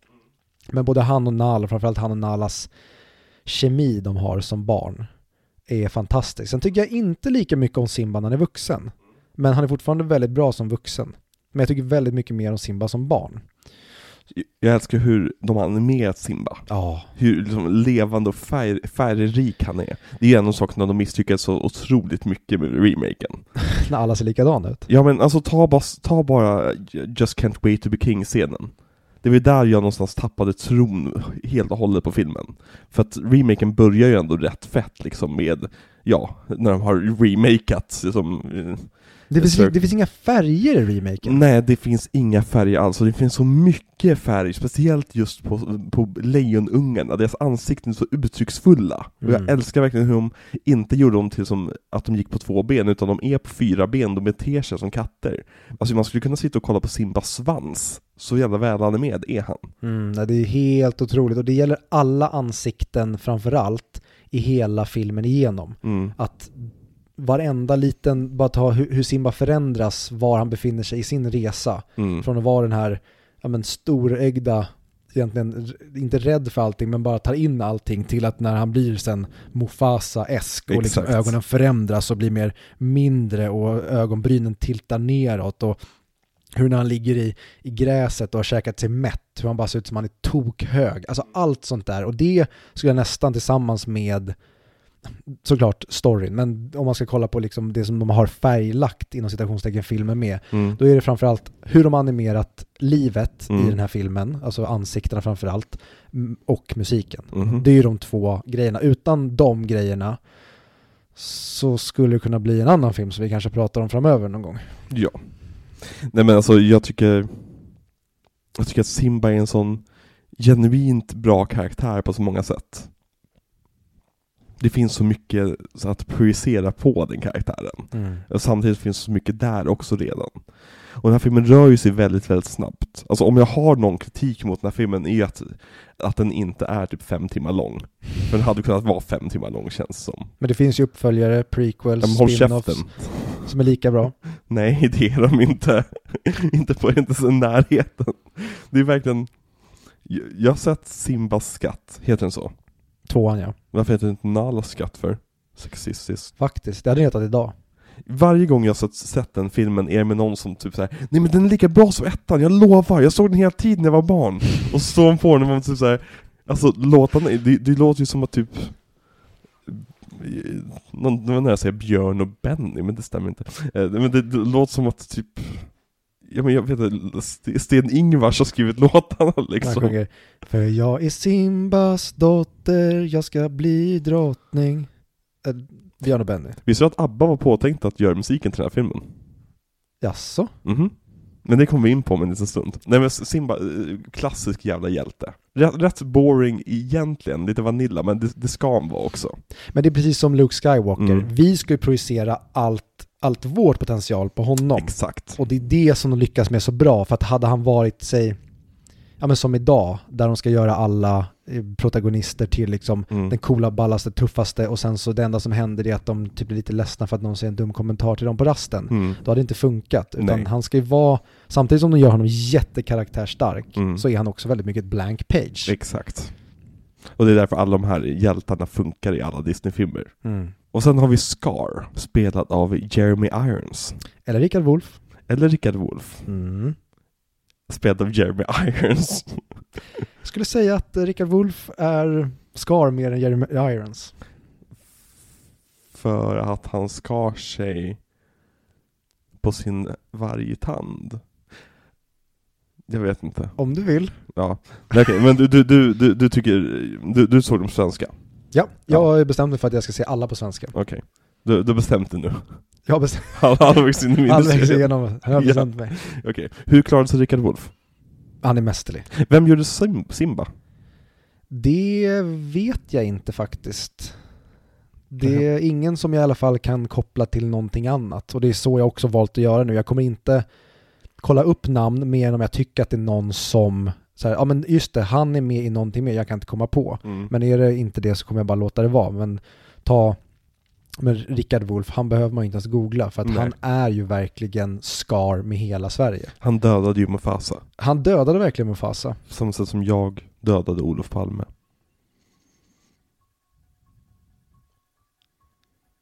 Det blev stelt. Det blev jättestelt. Jag tycker ju väldigt mycket om Jeremy Irons i den här rollen. Alltså speciellt när han ska sjunga Be Prepared. Ehm, jag tycker om, alltså Scar överlag, jag älskar hur flamboyant han är. Och liksom hans minspel är konstant och hur han, han är, han, han är de har animerat hans ansikte så att han är lite spetsigare än alla andra Mm. i sin ansiktsform. Och det ger honom så mycket karaktär och hans liksom, gröna ögon som de kan göra så att de lyser nästan i varje scen. Och han är så liksom, delikat, han, han njuter av att vara ond på samma sätt som Jafar njöt av att vara ond. Precis det jag skulle säga. Att här har de ju tagit Jafar Mm. och sen så har de ju bara liksom rebrandat honom på något sätt. Men det är fortfarande Jafar vi ser här, men de har bara egentligen, jag skulle säga, levlat upp honom och gjort honom ännu bättre. Mm. Det är ju Jalion. Exakt. Eller Det skulle ju- Skafar. Båda två skulle textet kunna vara liksom legit typ ska-musikernamn. Mm. För att Lion är ju en, en, är- lejonet är ju en symbol för Etiopien. Och Etiopiens prins är ju Jesus som återuppstått. Enligt rastafari, farismen. Mhm. Åh fan. Det är väldigt intressant. Med rastafari, de är helt sjuka i huvudet. Alltså de tror på riktigt, de tror på riktigt att typ prin- prinsen från Etiopien som dog för typ 20-30 år sedan, att han var liksom Jesus som återuppstått. Blir de också väldigt arga om man bränner deras heliga bok? Det vet jag inte, ingenting om. Det De brände andra papper. Rastafari. Mm. Rastafari. Exakt. De är på, vilken, vilken ö kommer de ifrån? Det tänker inte jag säga, men jag skulle gissa på Jamaica. Det är fel. Fuck. De kommer från Gotland. Det var det jag ville säga, men jag vill inte Fuck. kulturellt appropriera någonting. Fuck. Jag saboterade ju skämtet. Jag skulle säga Öland. Rabba-dub-dub. Hur många bultar finns det i Ölandsbron? Och på Öland är ju festivalen Öland Roots. Exakt, det är just, just det som hade varit det roliga skämtet. Mm. Fuck Alex. Okej, klipprums Alex, försök klippa ihop det där så att det blir bra. Nej, det är bättre som misslyckat. Allt är bättre som misslyckat. Det är oftast det. Vi är ingen, vi är motsatsen till en elegant podcast. Vi Mm. är som elefanten i sången, nästan. Fast Vilken han är, sång? Nej, vi är som elefanten i Aladdin, Abo. Vi är apor förvandlade till elefanter. Så att vi är både dumma i huvudet och väldigt klumpiga. Det var en väldigt bra metafor Viktor. Tack. Jag är stolt över dig. Tack, Vet du vem som är mer stolt över dig? Mufasa. Mufasa är stolt över dig. Du, det är, det är det finaste någon skulle kunna säga till mig i hela mitt liv. Mm. Om jag skulle bara få höra så här, Viktor, du har glömt mig. då skulle jag säga, jag gör vad du vill. Jag gör vad du vill. Och sen skulle den kunna säga åt mig att göra vad den vill. I princip. Glöm inte vem du är. Och ehm, där har vi ju en av de två kanske mest ikoniska röstcastingarna i världshistorien som görs av samma man. Ja, exakt. Det är ju James Earl Jones. Mm. Var han på svenska också? Ja, Ja, men det, det är lite det som är grejen om man skulle se det på svenska, att säga, ja men då, då, då får inte jag höra James Earl Jones. Jag får inte höra det som hans basstämma komma ur den där högtalaren liksom. nej, men jag ska säga det, röstarbete på svenska är nog det bästa röstarbetet som har gjorts på Mm. svenska. För alla är on point, även Det vill jag Mufasa. minnas också. Även fast Rickard Wolff stjäl showen Mm. så är han som pratar Mufasa, alltså han är inte James Earl Jones för det är som att vara 6 av 5. Mm. Men han är 5 av 5. Så att han är så bra som han bara kan vara att, att följa efter Darth Vader. Berättade inte Richard Wolff någon anekdot för några år sedan? Är inte han död förut? Jo, han dog väl i cancer för något år sedan. Eh, berättade inte han anekdot om, hur han inte alls trodde på Lejonkungen? Att han typ fick från sin agent, om nu om du skulle göra den här animerade filmen så här, Ja, jag åker väl dit över helgen då, spelar in mina lines, så ja, vad är det här för skitfilm? Ah, ja, jag kör, kör min grej liksom. Och sen så när den släpptes så blev det en världssuccé liksom. Mycket möjligt, men i mitt huvud så vill jag minnas att han sa att han ville göra den, men då skulle han få göra den på, han vill göra den, men då ska han få göra den på sitt sätt. Och att han bråkade som fan med eh, Disney. Mhm. För att han låter ju inte som Jeremy Irons. Han Nej. gör en liten annorlunda variant på det. Och det är Disney tydligen väldigt hårda med ju, att det ska låta i princip likadant som på För att det engelska. ska passa med det som syns på skärmen också. Ja, precis. Men att just han fick göra lite annorlunda Mhm. än vad Jeremy Irons fick göra. Men det kan mycket väl vara så som du säger. Det här var alldeles för länge sedan jag hörde just den anekdoten som Jag är också. från Noipod när de gästades av honom. Där Viktor Engberg fick spela upp Skar, min bror, hjälp mig! Och sen Länge leve kungen. Mm. Åh! Åh! Och just nu så kollar vi på när... Eh, Jag har inte ens tittat på den här skitrullen. Nej, man, man, man, vanligtvis när vi har film igång när vi spelar in brukar mina ögon dras till skärmen för att Mm. det är oftast vackert att kolla på. Den här filmen, mina ögon dras bort från skärmen. Men det ska sägas att den är jävligt fotorealistiskt animerad. Alltså den är skitsnygg om det ska se ut som att det här är på riktigt. Det tycker jag verkligen. Oh ja. Men som du sa, varför, varför kan vi inte ha färg? Jag förstår inte, varför kan vi inte bara dra upp färgen lite grann? För Ja, det, det- finns ju det- massa grönt där. Det är filmens absolut största problem verkligen. Ja. Det, det, det är att den så, man, ögonen blir så trötta när man kollar på den jämfört med originalet. Mhm. Ja men där de verkligen, även om man skulle hålla sig till de inom citationstecken realistiska färgerna, Ja. även fast man tecknar, så har de tagit ut liksom färgpenslarna långt ifrån de realistiska färgerna där med. Men Då- det funkar. De har ju kastanjebruna elefanter, Mm. till exempel, som bara skapar så jävla mycket pop i den scenen de är med i liksom. Mm. Ja, det, är- det är underbart. Men Mufasa, vad tycker du om, om eh, gammelpappi? Gråter du när han dör? Det gör jag. Ja, Men jag med. jag, jag sitter typ och gråter i en och en halv timme i den här filmen. Ja, jag med. För att det är, eller vi kommer in på det sen när det kommer till eh, musiken. Men eh, ja, det gör jag. Mm. Och jag tänker även på, alltså, tänk när man såg den här som barn Mm. och få se det där. Mm. Alltså Det- den där musiken, när han liksom puttar på Mufasa. Alltså och biter den honom i örat för att han sover ju bara. Ja, exakt. Mm. Ja, precis som tidigare i filmen. Ja. Och man blir så ledsen, Mufasa känns, de, de har verkligen gjort Mufasa så han känns tung där. Mm. Och han känns, det känns verkligen som att du har bara varit med Mufasa i typ 10-20 minuter egentligen. Och det är också så jävla briljant med den här filmen och det älskar jag med filmerna de gör. Ja. Du ska ju etablera och ta då en skådis som är så här: wow, det här är ju vår huvudkaraktär Mm. tänker vi typ ish att Mufasa ska vara, eller i alla fall, det är som att de typ skulle döda Obi-Wan Kenobi Mm. direkt in i Star Wars. Det får att liksom hugga sönder i våra hjärtan. Mm, Men det gör, görs ju typ inte längre. exakt. För då, eller så blir det som att på slutet kommer han tillbaka. Eller, En after credit-sekvens. ja men typ. Mufasa kommer tillbaka en after credit-sekvens. Mufasa got better. Ja. I want to talk to you about the Disney initiative. Ja. Simba. Ska han och Aladdin och Peter Pan och Hercules rädda Mm. världen. The Vengers.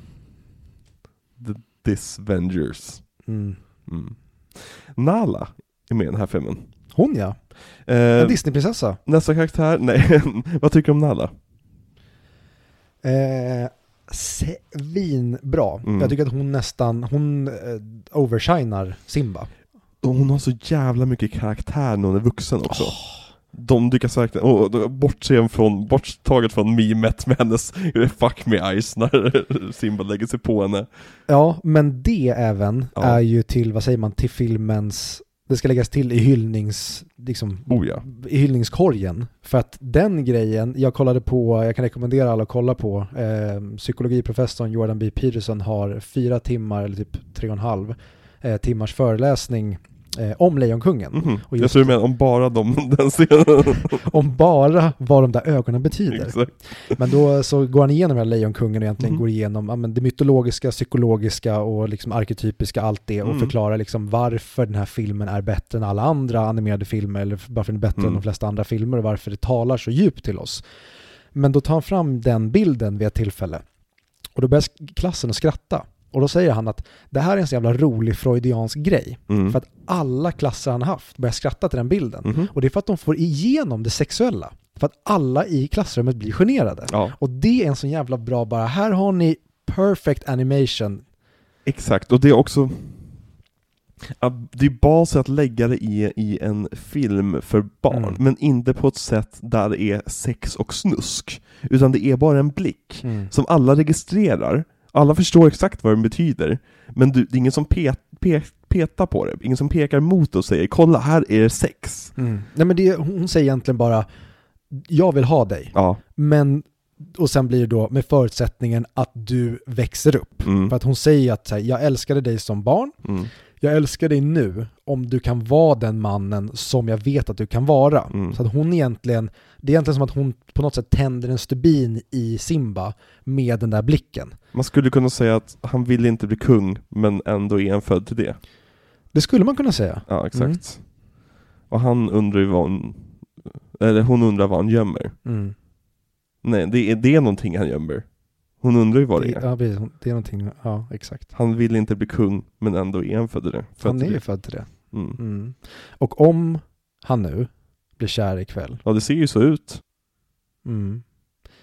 Åh, det är så jävla bra. glada dag vi haft tillsammans.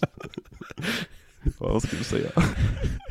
Nej, ingenting. Men ja, Nala är så jävla bra. Ja, nej men hon- hon och Simbas samspel med barn också. Hon känns lika busig som Simba. Mm. Och lika liksom pådrivande, för det hade varit väldigt lätt att kunna göra henne till som en medhängare, förkläde för Simba bara, att ha med sig. Mm. Men nu är hon lika som, hon, hon, så fort hon får höra att det är som kyrkogården hon ska till, så här, åh, fan vad kul! Hur lever bort Sassou? Liksom. Ja men hon, hon är ju liksom, om man ska prata om, hon är ju det som så här, om, om man ser en tjej, Mm. då är det så här, jag vill ha henne. Och hon är ju så här, ja, jag är intresserad av dig också, men du ska visa för mig vad du är för en snubbe. Exakt. Och så måste han då leverera för det. Och det är samma sak när de är små, när de brottas och hon Mhm. får omkull honom. Det är så här, jag vill ha dig, jag leker gärna med dig, men du duger inte än. Du måste förbättra dig. Och det är precis det som händer sen när de blir vuxna igen. Att när hon besegrar honom och sen när de liksom pratar, det att hon får honom att förstå att jag duger inte som en jävla hippie eh, tonåring. Mm. Jag måste bli en man för att jag ska duga åt den här kvinnan eller den här prinsessan då, som då ska bli min drottning. Exakt. Och det är så jävla bra hur de porträtterar det utan att tala om det för oss. Mm. Att det, för, för oss då är det bara två lejon som blir kära i varandra. Exakt. Men allt det finns inom det där. Det är som sagt, det är ett sånt överarbetat manus på ett sätt. Det- att, det- att, det, att det går ner till essenserna bara. Ja, och det, Ja. jag undrar det liksom när den har varit i arbete under så lång tid och att det ändå förändrar, alltså de skrev om så många grejer in på slutet. Mm. Jag undrar så här, hur långt in i processen förstod de hur djupt det här går? Eller förstod de ens hur djupt det här gick? Eller alltså, blev det bara så här? Eller Mm. hur mycket kontroll hade de på just det här arketypiska? Hur mycket visste de att det här talar, liksom, skulle du sätta en Homo sapiens eh, framför skärmen och visa det här för 10 000 år sedan så skulle den få precis samma reaktion för att det här är vad som talar till oss på den liksom allmänmänskliga djupaste nivån. Mm. Men det är, ja, jag har så många minnen från Nala, hon känns som en kompis. Alltså det är verkligen, hon känns som en, någon som, hon måste ju varit en av de första kärlekarna jag hade. Ja, och det är ju fucked up, Ja. i- skulle man kunna tycka. Men För det är, så, ser- det är sånt betyg till vad den här filmen Mm. gör. Men man ser ju inte djuret. Nej. Man ser, ju- man ser ju människan. Man ser ju representationen av personen där. Mm. Och eh, den kritiken skulle jag vilja bara rikta nu innan vi kommer in på nästa, eller innan vi kommer till nästa vecka, men jag säger det redan nu bara för att göra en jämförelse, det är att motsatsen skulle jag nästan säga görs i nästa veckas film. För där har vi människor och vi har rösterna, men animationen får mig inte att riktigt köpa det som de vill att jag ska köpa. Men det lyckas de liksom, det motsatta här. De gör djur, men de har mer mänskliga ansikten än människorna de animerar själva i den här studion. Men det är ju för att de inte har någon näsor nästa vecka. Just det, för att jag kan inte relatera till andra etniciteter. Ja, det var ju mig det var fel på. Men lejon kan jag relatera till tydligen, för att jag gillar tidelag eller någonting, I guess. Ska, nu ska jag ringa din exfru och hota henne. Ja. Exakt. Timon och Pumba är jag alltid lika nervös för när jag slår på den här filmen.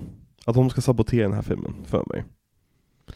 Och sen kommer de och är de underbaraste jävla karaktärerna i hela filmen praktiskt taget. Det är helt otroligt. Och speciellt, jag älskar den här dynamiken att Pumba behöver ju inte Timon.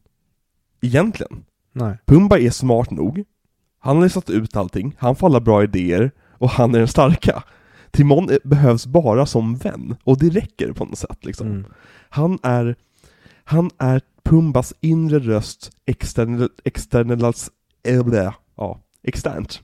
Liksom in, alltså, han behövs för att översätta Pumbas lite grann tröghet kanske. Inte kork, äh, han är korkad på något sätt, utan bara långsam. Ja, eller kanske en motor till och med. Ja, men exakt. Pumba Motor, är bra. liksom bättre. lat. Mm, Och exakt. Timon är den här lilla, lite ettriga så här, vi gör det, vi gör det, vi gör det. Och Pumba är mer så här, "Ah, ska vi inte chilla bara istället då? Mm. Även fast Pumba fick idén från början liksom. Precis, och det är det, åh, det exemplet bara hur de gör det när de ligger där på gräsplätten och tittar Mm. upp mot stjärnorna och Pumba förklarar. Och det, det är så bra skämt. Alltså Mm. det är verkligen ett 6 av 5 skämt att han säger att det är liksom gasbollar miljontals mil härifrån. Mhm. Och Timon bara, nej det är det inte. det är eldflugor som har fastnat i taket. With you, everything is gas. Mm. Mm.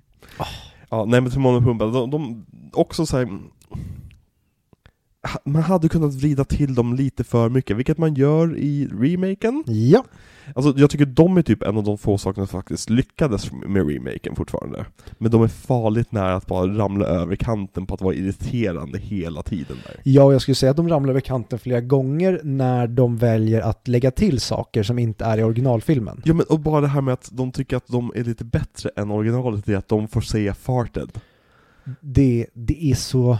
Ja, Det, det är nästan som summeringen av vad remaken är. Ja. Att de tror att de kan förbättra det här. ja. Och det, det är så dumt att, som vi pratade om, att men det är som att de inte riktigt förstår att men alla andra Disney-filmer, de går typ att egentligen överträffa. Mm. Typ. Men, men- den här filmen är oöverträffbar, men ändå ska de ge sig på det. Och det tycker jag är nästan det största brottet. Istället för att, ja men nu ska vi göra en rolig hommage till originalet för att Mm. vi, vi, vi liksom hänger oss till att, sorry, vi kan inte bräcka det här. Nej. Så försöker man göra det ändå och det blir nästan lite pinsamt stundtals. Ja, men det är som att de tänker att det här är det säkraste kortet vi har.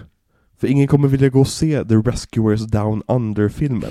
Liksom. Mm. Vilket är den filmen de borde gjort, eller Svarta Kitteln, eller Oliver och gänget kanske till och med. Ja, Alltså sådana Åh. filmer som är lite- lite bortglömda, eller kanske som folk inte ser. Den här skulle de kunna släppa i re-release, bara på bio. ja men Då- eh, som du säger, Oliver och gänget, en Mm. film som utspelar sig i New York med djur. Det Mm. finns hur mycket som helst att leka med där. Mm. Ja, Men ändå ska man ge sig på att leka med det här och när de leker i den här filmen så blir det bara mycket sämre och det får en att typ sakna bara originalet. Gjorde de inte Lady Lufsen?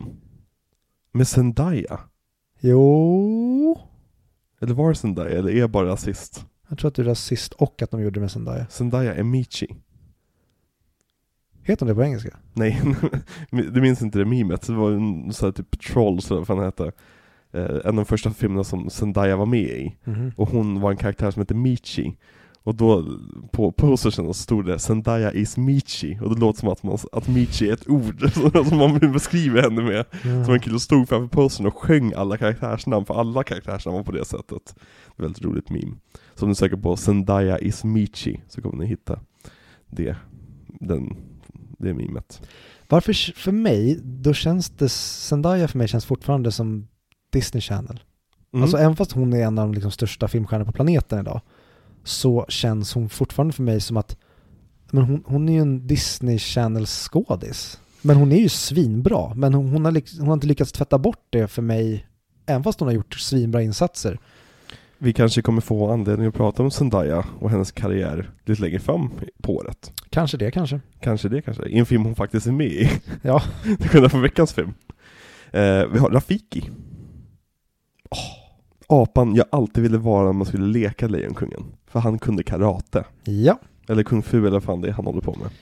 Ja, någon, någon typ av kampsport. Ja, det var jättehäftigt. Mm. Han, var, han, han är ju obehaglig, Rafiki. Mhm. Och underbar samtidigt. Men han kommer liksom så jag försöker mindfucka Simba. Med liksom, ja, du är en apas farbror. Eller, ja, det, det är helt underbart. Jag älsk, älskar Rafiki. Men säg, Och- jag är babian, nej jag, jag är en apa men du är babian, eller vad är han säger? Något sånt där. Ja, någonting, ja. Ja. Det, det, det är också en sån här karaktär som kunde tippat över så jävla hårt. Och bara kunde, kunde dra skämt efter skämt efter skämt. Mm. Jag minns inte hur han är i remaken, han är knappt med känns som. Minns faktiskt. Han pratar väl inte? Jo, det måste han väl göra. Jag för mig att han är den enda som inte pratar. Eller det kanske bara är jag som är, har dåligt minne. Mm. Det låter för sig som en cool idé på pappret att bara ha honom tyst vägleda Simba, men det går ju inte för att han måste ju banka vett i Simbas huvud, bokstavligt talat. Ja. Inte bara med ord, utan med sin käpp också. Också så jävla bra. Han har inte käppen ju.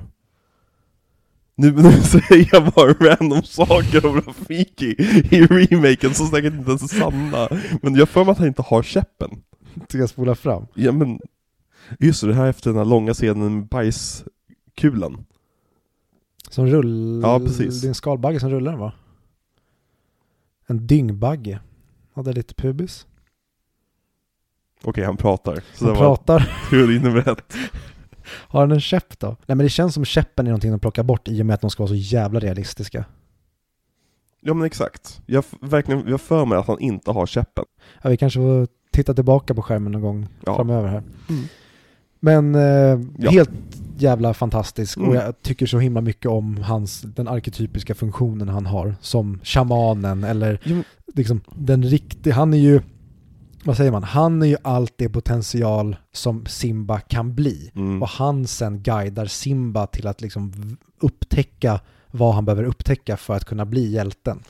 Och bara det, det finns så många små karaktärsögonblick med eh, Rafiki. När han sitter och spår och Mm. han öppnar den där frukten, Mm. han som man ska använda. Så sitter han och äter hälften av den och använder andra hälften i sin troll, trollkonst liksom. Jag tycker det, bara, de, de satsar på de här små ögonblicken för att skapa karaktärerna hela tiden. Och det, det är underbart.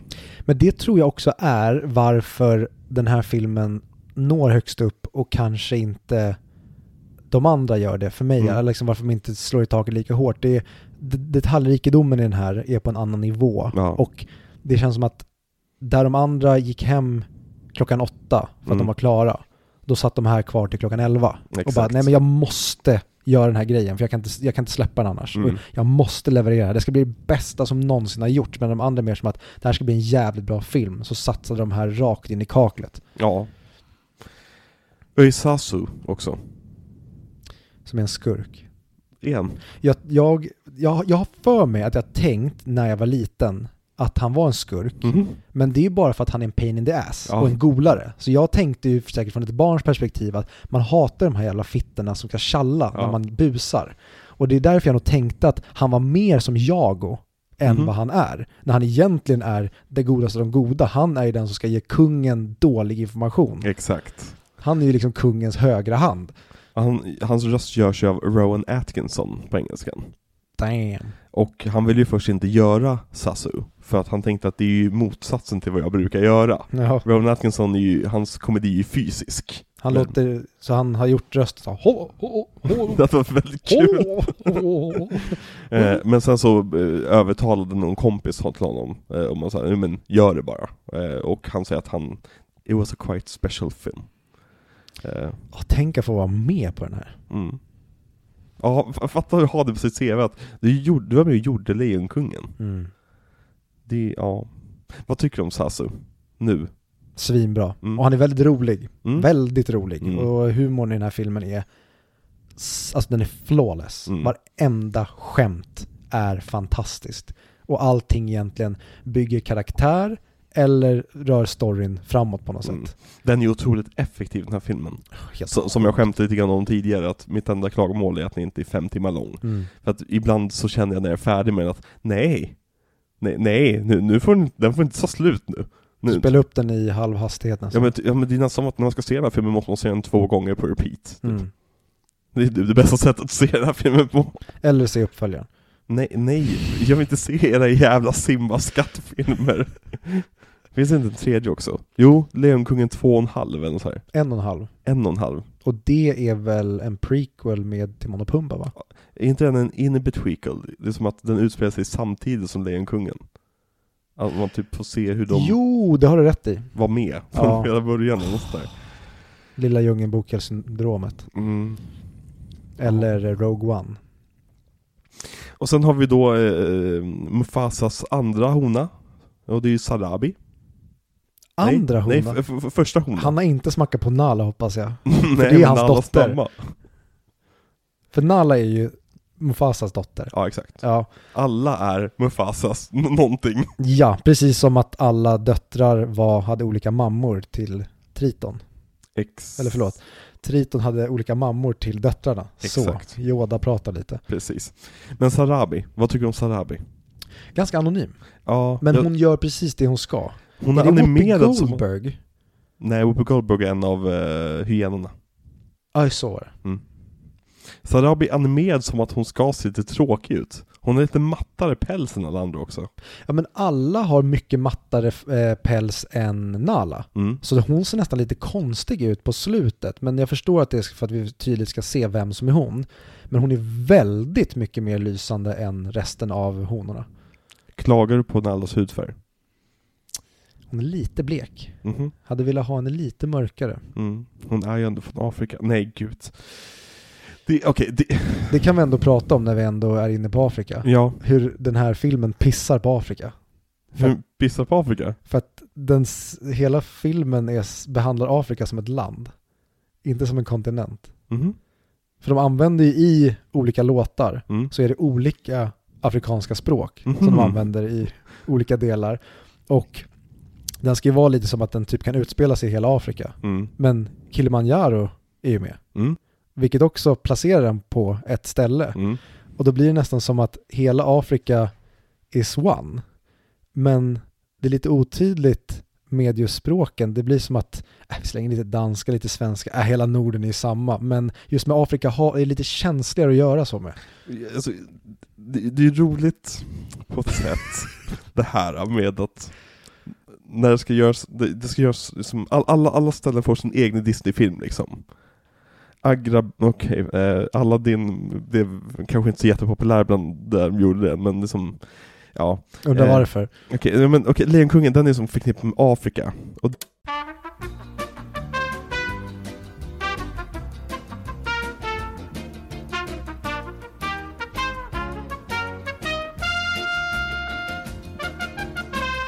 Det extremt rasistiskt. jag tycker om hyenorna. Älskar dem. Det jag älskar med dem är att de behövs så jävla mycket. Ja. för sin lilla komiska relief. Och här kan vi verkligen snacka om, de är ju comic relief. Alltså med benämning på relief. Vi har suttit och bölat åt att Mufasa är död. Och så blir han jagad av hyenorna och vi bara känner att vi måste bara få ett bryt här. Och då kommer hyenorna och är genuint roliga. Men också Så- svinläskiga. Ja precis, läskiga så att vi fortsätter vart scenen ska ta vägen, men också så att vi får skratta lite grann Mm. efter vi har suttit och gråtit. Och det är viktigt att ha det. Speciellt för barn, tänker jag. Verkligen. Det här är en sån jävla bra barnfilm, Viktor.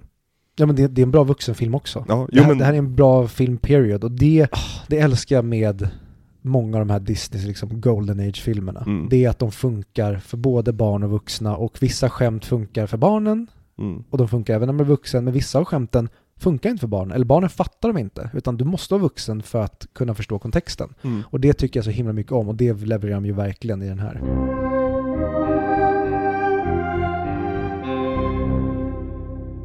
Ja, det vore ju dumt att göra något liksom avatarskt. Nu hörde inte någon vad du sa innan. Men du sa att eh, bara det att de i remaken placerade Can you feel the love tonight i dagsljus. När man istället kunde placera den på natten och kanske leka med att det kanske finns några självlysande ljus eller att det blir häftiga reflektioner i vattnet med, på grund av månen eller så. Men nej, varför ska vi göra det för? På natten syns ju ingenting. Det är det som är verklighetstrogna. Ja, de... Nej, jag ska inte gå dit.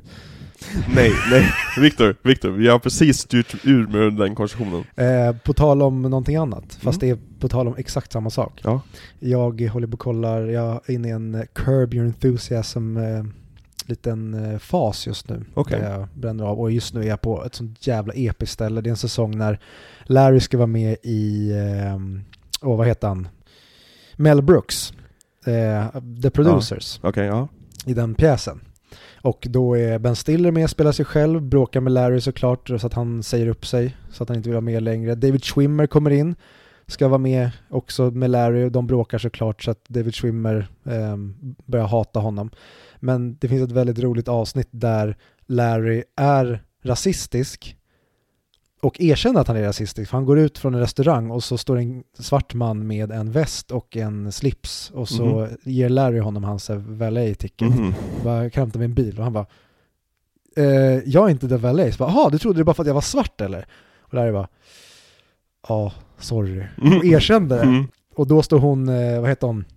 Rhonda eller någon, hon som Mm. var med på Oscarsgalan. Jag kommer inte ihåg vad hon heter. Eh, lilla svarta med krulligt hår som var en av programledarna på Oscarsgalan förra året. Ja, okej. Hon pratar så här. Som Hon från Scary Movie? Nej, inte hon. Nej, okej. Utan hon li, lilla lite äldre. Jaha, hon som, som, hon som vi tyckte så mycket om? Ja, exakt. Okej, ja. Hon eh, är då kompis med Larrys fru. Mhm. Och hon spelar sig själv. Och då står, när han då, som Larry trodde var valet, när han går iväg, så står hon bakom och bara Vad fan Larry? Så jävla rasistisk. Han bara, men, ja men nej, eller jag var inte det. Och det med att han erkänner bara okej, ja men fan jag, jag råkade, fan Mm. jag, jag bara människa. Och sen kommer det tillbaka senare i avsnittet. Då går Larry från sin bil och har parkerat den. Och så möter han en svart man. Mm. Och så kommer Larry på att han har glömt att låsa bilen. Mhm. Så han vänder sig om och blippar så låser. Och då vänder sig eh, snubben om och bara Gjorde du det där bara för att jag är svart eller? Och Larry bara nej nej nej nej det, det var verkligen så, jag hade bara glömt att låsa bilen. Han bara ah du trodde jag skulle sno din bil eller? Och så när, han, när de har bråkat klart Mm. och han går iväg då står hon där igen och bara ah Larry strikes again. och han bara nej nej nej den här gången var det verkligen det, Jag du måste tro på mig. Och så säger hon så här, men har du eh, skickat mitt, eh, har han återkommit om mitt manus som jag bad dig ge till en Mm. producent? Och så Larry har ju såklart inte gett det, men han säger bara nej, det, det har jag inte. Eller nej, jo, det har jag. Men nej, det var, det var inget för honom sa han. Han bara, men det är sånt som händer. Liksom, manus blir nekade i Hollywood, det är Mm. ingen big deal. Och hon bara, men sa att jag var svart? Han bara, nej. Varför skulle jag sagt att det var svart för? Nej men därför att han är en vit man. Du måste ju det är ju exakt här man ska spela raskortet. Fattar du inte det Larry? Bara, är du dum i huvudet? Hon bara, ring upp honom och säg att jag är svart. Och så medan han går iväg så hon säger, och jag är mörk svart, inte en jävla light skin. och det är så jävla mycket sånt där som händer hela tiden. Åh, Mm. fan Larry är en av mina favoritkaraktärer ever. Simmar han lugnt? Han gör ju verkligen inte det. Mm. Men eh, jag tror att eh, serien kanske vill att han ska göra det. Usel titel det. Den är jättedålig. Ja, Men, men curb your Det enthusiasm. går ju inte för en svensk att förstå riktigt vad det betyder. Nej, alltså den, och den har ju blivit curb bara. Ja. Jag, jag har ingen aning om vad de säger i USA, men det känns som att ingen säger hela titeln. Så det är dåligt på flera sätt. Men tillbaka till eh, Lejonpungen. Ja, här, i den här scenen då fegar de ur och inte vågar visa Mufasa. Han är ju bara ett moln. Det är bara en röst och moln. Ja. Shit vad jag inte minns det här. Nej. Jag tror att jag, ba, jag var så... Och det vet jag att jag skrev på Letterbox när jag skrev satte ett betyg. Då skrev jag att det är fusk med Hans Zimmers musik. Mm. För det, jag tror det var den som lurade mig att det här faktiskt var acceptabelt. Ja. Och Beyoncés Wailande som kommer snart. Just det. Mm. Ja, hon är Nala va? Mm. Just det. Och eh, Donald eh, Gleason tänkte jag säga. Det hade varit någonting. Donald Glover är eh, Mufasa tänkte jag säga. Inget bra just nu. Han är Simba. Det stämmer jättebra det. Och James Earl Jones, visst är han Mufasa igen? Ja. Mm. Väldigt, väldigt trött Mufasa. måste, I gotta do this shit again. De, de kunde ju bara använt hans inspelningar från filmen. Eller hur? Nej, Varför var men- de tvungna att släppa in honom i ett bås en gång till? Spelade inte jag in de här textraderna för 30 år sedan? Nej nej, James, kör bara, kör kör. Jag är rätt säker på att jag har spelat in exakt de här replikerna. Och om producenterna har varit vita, då hade de kunnat skicka dit ehm, Neil deGrasse Tyson och ingen av dem hade märkt för de är rasister. Va? Jag menar att alla svarta gamla män ser likadana ut för dem. De kunde skicka dit Morgan Freeman. Ja, det med. Mm. Men eh, om de inte hade fått tillbaka James Earl Jones, om han bara hade varit sur och suttit kvar i tåget Mhm. och vägrat gå ut om de inte levererar en 50 meter lång matta till honom, då hade de kunnat fråga Neil deGrasse Tyson, för jag tror att han kunnat göra väldigt- en rolig alternativ Mufasa. Mm. Det tror jag faktiskt. Martin Freeman hade kunnat gjort det. Eller eh, Ricky Gervais. Eller Justin Roiland. Ja, men han hade kunnat göra, det känns som han skulle kunna göra Oh jeez Simba, you have to remember me! Oh jeez, oh, I live inside you! Come on boy! Okej, Åh, jag måste kolla lite Rick and Morty snart känner jag. Nu börjar jag tycka om det. Vadå nu? Ja, du har ju hatat Rick and Morty främst nu. Du har ju tatuerat in Rick and Morty suger på bröstet. Ja, men det var ju På låret. Jag vet inte varför du skrev Rick and Morty suger på bröstet på ditt lår, men jag vet inte. Jag gjorde det. Ja. Så kan det vara. Nej, jag har bara sett två säsonger typ. Ja. Så jag har mycket kvar. Mm. Och nice ändå att de lyckades skrapa ihop ett par säsonger innan han blev cancelled. Verkligen. Ja men det är, det är bra skit. Det är, det är så jävla bra skit. Mm. Det är ruggigt. Och det är så tråkigt att säga det, att alla det är smart humor. Men det är så jävla smart. Ja men det, det, eller så här, det är tänkvärd humor. Alltså det, är det, det är roligt. Du skrattar med hjärnan och magen samtidigt. Ja, men om man tar It's Always Sunny in Philadelphia, Mm. där går de alltid åt the retarded hållet, Ja. där man tänker att fan ni är mycket smartare än mig. Med Rick and Morty går de alltid till så här, fan vad ni är mycket mer kreativa än vad jag är, Mm. för här är ni så jävla fyndiga och smarta jämt. Ja, men det är så mycket skaparglädje i Rick and Morty Ja. tycker jag. Och de har alltid poänger med allting. Mm. Och det finns alltid någon, eller ofta, en så här referens som man kan hitta någon annanstans som bara så här, ja, det är klart ni gör den tweaken på det. Mm. Det är såklart det borde vara så här. Det är klart det inte är så här i Star Wars. Så här är det ju egentligen om du åker till en främmande planet. Exakt. Och det är väldigt kul.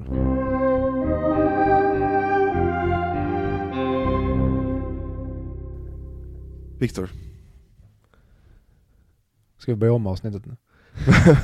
välkomna tillbaka till Audio Videoklubben. Nej, vi ska prata musik. Åh! La musica. Åh! Oh. Och då ställer jag dig frågan. Är det här Hans Zimmers bästa verk? Ja. Det kan, det kan, det kan vara det. Ja, nej, men alltså för mig är det nästan så här självklart. Alltså, det han, han, han får i knät. Okej. Hans Zimmer tog sig in för att skriva scoret, då han, då han hade jobbat på två filmer med afrikanska teman eh, tidigare. Och han tog in sin tidigare samarbetspartner Lebo M, som fick arrangera, arrangera körerna. För att Hans Zimmer var efterlyst i Sydafrika, när de skulle spela in det här. på grund av filmerna han hade gjort tidigare, som var subversive. Det vill säga att de antagligen var kritiska mot apartheidregeringen. Eh, så, så Disney var ju rädda för, rädda för att skicka honom till Sydafrika för att det fanns stor risk att han skulle bli dödad om han åkte dit för att arrangera scoret. Inte fängslad, Nej. dödad. Exakt. Eh, men Hans Zimmer fick ju en annan idé, va? När han ska göra den här filmens score. Inte bara ska han ha in massa så olika afrikanska körer och slagverk och grejer. Han ska också ta tillvara på det här att det här är ju Hamlet. Så han sätter sig och komponerar någon jävla så här medeltidsepiskt score som skulle kunna passa in i vilken Gladiator-film eller Robin Hood-film som helst. Eller Kung, Kung Arthur-film eller så här. Och det gör det bara så jävla episkt det här scoret. Alltså han, han, han hade kunnat sova på jobbet här. För att han har liksom, liksom Tim Rice och Al Menkens musik som skulle kunna Nej inte Alan Menken, Elton Johns musik som skulle, skulle kunna luta sig tillbaka på. Mm. Men alla, alla tracks på det här scoret är fan fire. Ja, alltså han tar ju i så att han håller på att spricka. Ja men på grund av hans musik, så de sista fem minuterna är liksom total gåshud för mig i den här filmen. Alltså från och med att, att Simba kommer tillbaka till Lejonklippan, för att det är ett jävligt kort segment, i, i mitt huvud så var det typ så här 20 minuter, men han är där i typ fem minuter. Det Fast går det- väldigt fort. Ja, allting går väldigt fort i den här filmen. Mm. Den är ju bara en timme och en kvart typ. Mm. Nej alltså, det spåret som heter King of Pride Rock, om jag slår på det, då börjar jag gråta. Och i slutet, efter jag och Ida hade sett färdigt filmen, jag satt, och det här kan hon attestera till, jag satt och hulkade mig igenom vad jag tyckte om filmen, för att jag var så förstörd efter filmen var färdig, för den var så, var så jävla bra. Det, det, det, den här filmen på grund av musiken, mycket på grund av musiken, får mig att känna känslor jag inte känner för något annat liksom, filmmedie. Mm. Hur, hur, grät du på slutet? Jag grät genom hela den här filmen. Alltså, och, och som jag hulkar mig. Ja. Alltså verkligen, och så här hulkar mig av glädje. Ja. Att bara, vad är det här? Låt det här skölja över mig. Ja. Och det kommer från, för jag, som jag sa, jag har inte haft den här relationen till filmen som barn. Nej. Men liksom låtarna och det har man ju hört. Men det var någonting för att precis i början av covid Mm. så dog min farmor. Mhm. Som har varit som typ min tredje förälder. Alltså Mm. som verkligen, det var som att förlora en förälder. Och jag tror det var strax efter det, när jag typ började med meditation, Mm. så hade jag lyssnat på musiken i, ja, på något sätt. Så när jag mediterade och kom in i ett eh, stadie där jag satt liksom och hade någon slags här, tacksamhetsvåg. Mm. Och då kom jag att tänka på, ja men framförallt, jag tror att det är spåret This Land. Och liksom att associera det till vad min farmor har gett mig. Och det gav mig, det är en av de mest här, vad säger man, så nära Gud jag kommer i Mm. när jag liksom, man, man når någon slags trans och bara satt i typ en halvtimme kändes som och bara liksom grät av tacksamhet. Så det har på något sätt typ tatuerats in i mig. Så varje gång jag hör musiken nu Mm. så är det som att det bara så här cry. Mm. Och det är verkligen inte av att så här, nej, nej, jag vill inte gråta. Utan det, det är verkligen så här, ja, nu det är som jävlar. regnet som kommer tillbaka Ja, men till det, Lejonklippan. det är verkligen det. Det blir någon slags katarsis där man Mm. så här, nu ska jag, så här, om man känner så här, man, man, att man har haft en tuff vecka eller Ja, någonting, då skulle jag bara kunna slå på musiken, gråta av mig och så väger man 10 kilo mindre helt ja, plötsligt. verkligen. Och jag älskar det med den här. Jag såg ehm, ehm, Beauty and the Beast såg jag på mobilen Mhm. ehm, och fick tårar i ögonen när eh, odjuret låter eh, Bell gå. Mm. Den här såg jag, första delen såg jag, ja men typ en eftermiddag, typ första halvtimmen, Mm. böla som ett barn. Del nummer två av tre såg jag på fyllan, Mhm. på natten, grät som ett barn. Och del nummer tre såg jag morgonen efter, grät ännu mer som ett barn. Så Mm. den har liksom i tre olika stadier under en och samma tittning och citationstecken har gjort exakt samma sak för mig. Mm. Och jag älskar den här filmen så mycket för att jag tror inte jag kommer på en annan film som gör det på samma sätt. Det finns massa andra filmer som jag gråter till också. Men inte samma frekvens och det är Hans Zimmers fel inom citationstecken. Mm. Det är hans bedrift för att den här musiken är Ja men det är som att, så här, men det här är typ nästan soundtracket till mänskligheten. Ja, nej men alltså, det är så... Ja, nej. Jag sparar på mina tankar. Okej. Till Patreon-specialen tänker jag. När vi pratar lite, lite grann mer om musiken. Ja. Men, eh, nej men jag, jag, eh, alltså det här i mina öron, alltså jag vet, det skulle kanske vara Interstellar-scoret.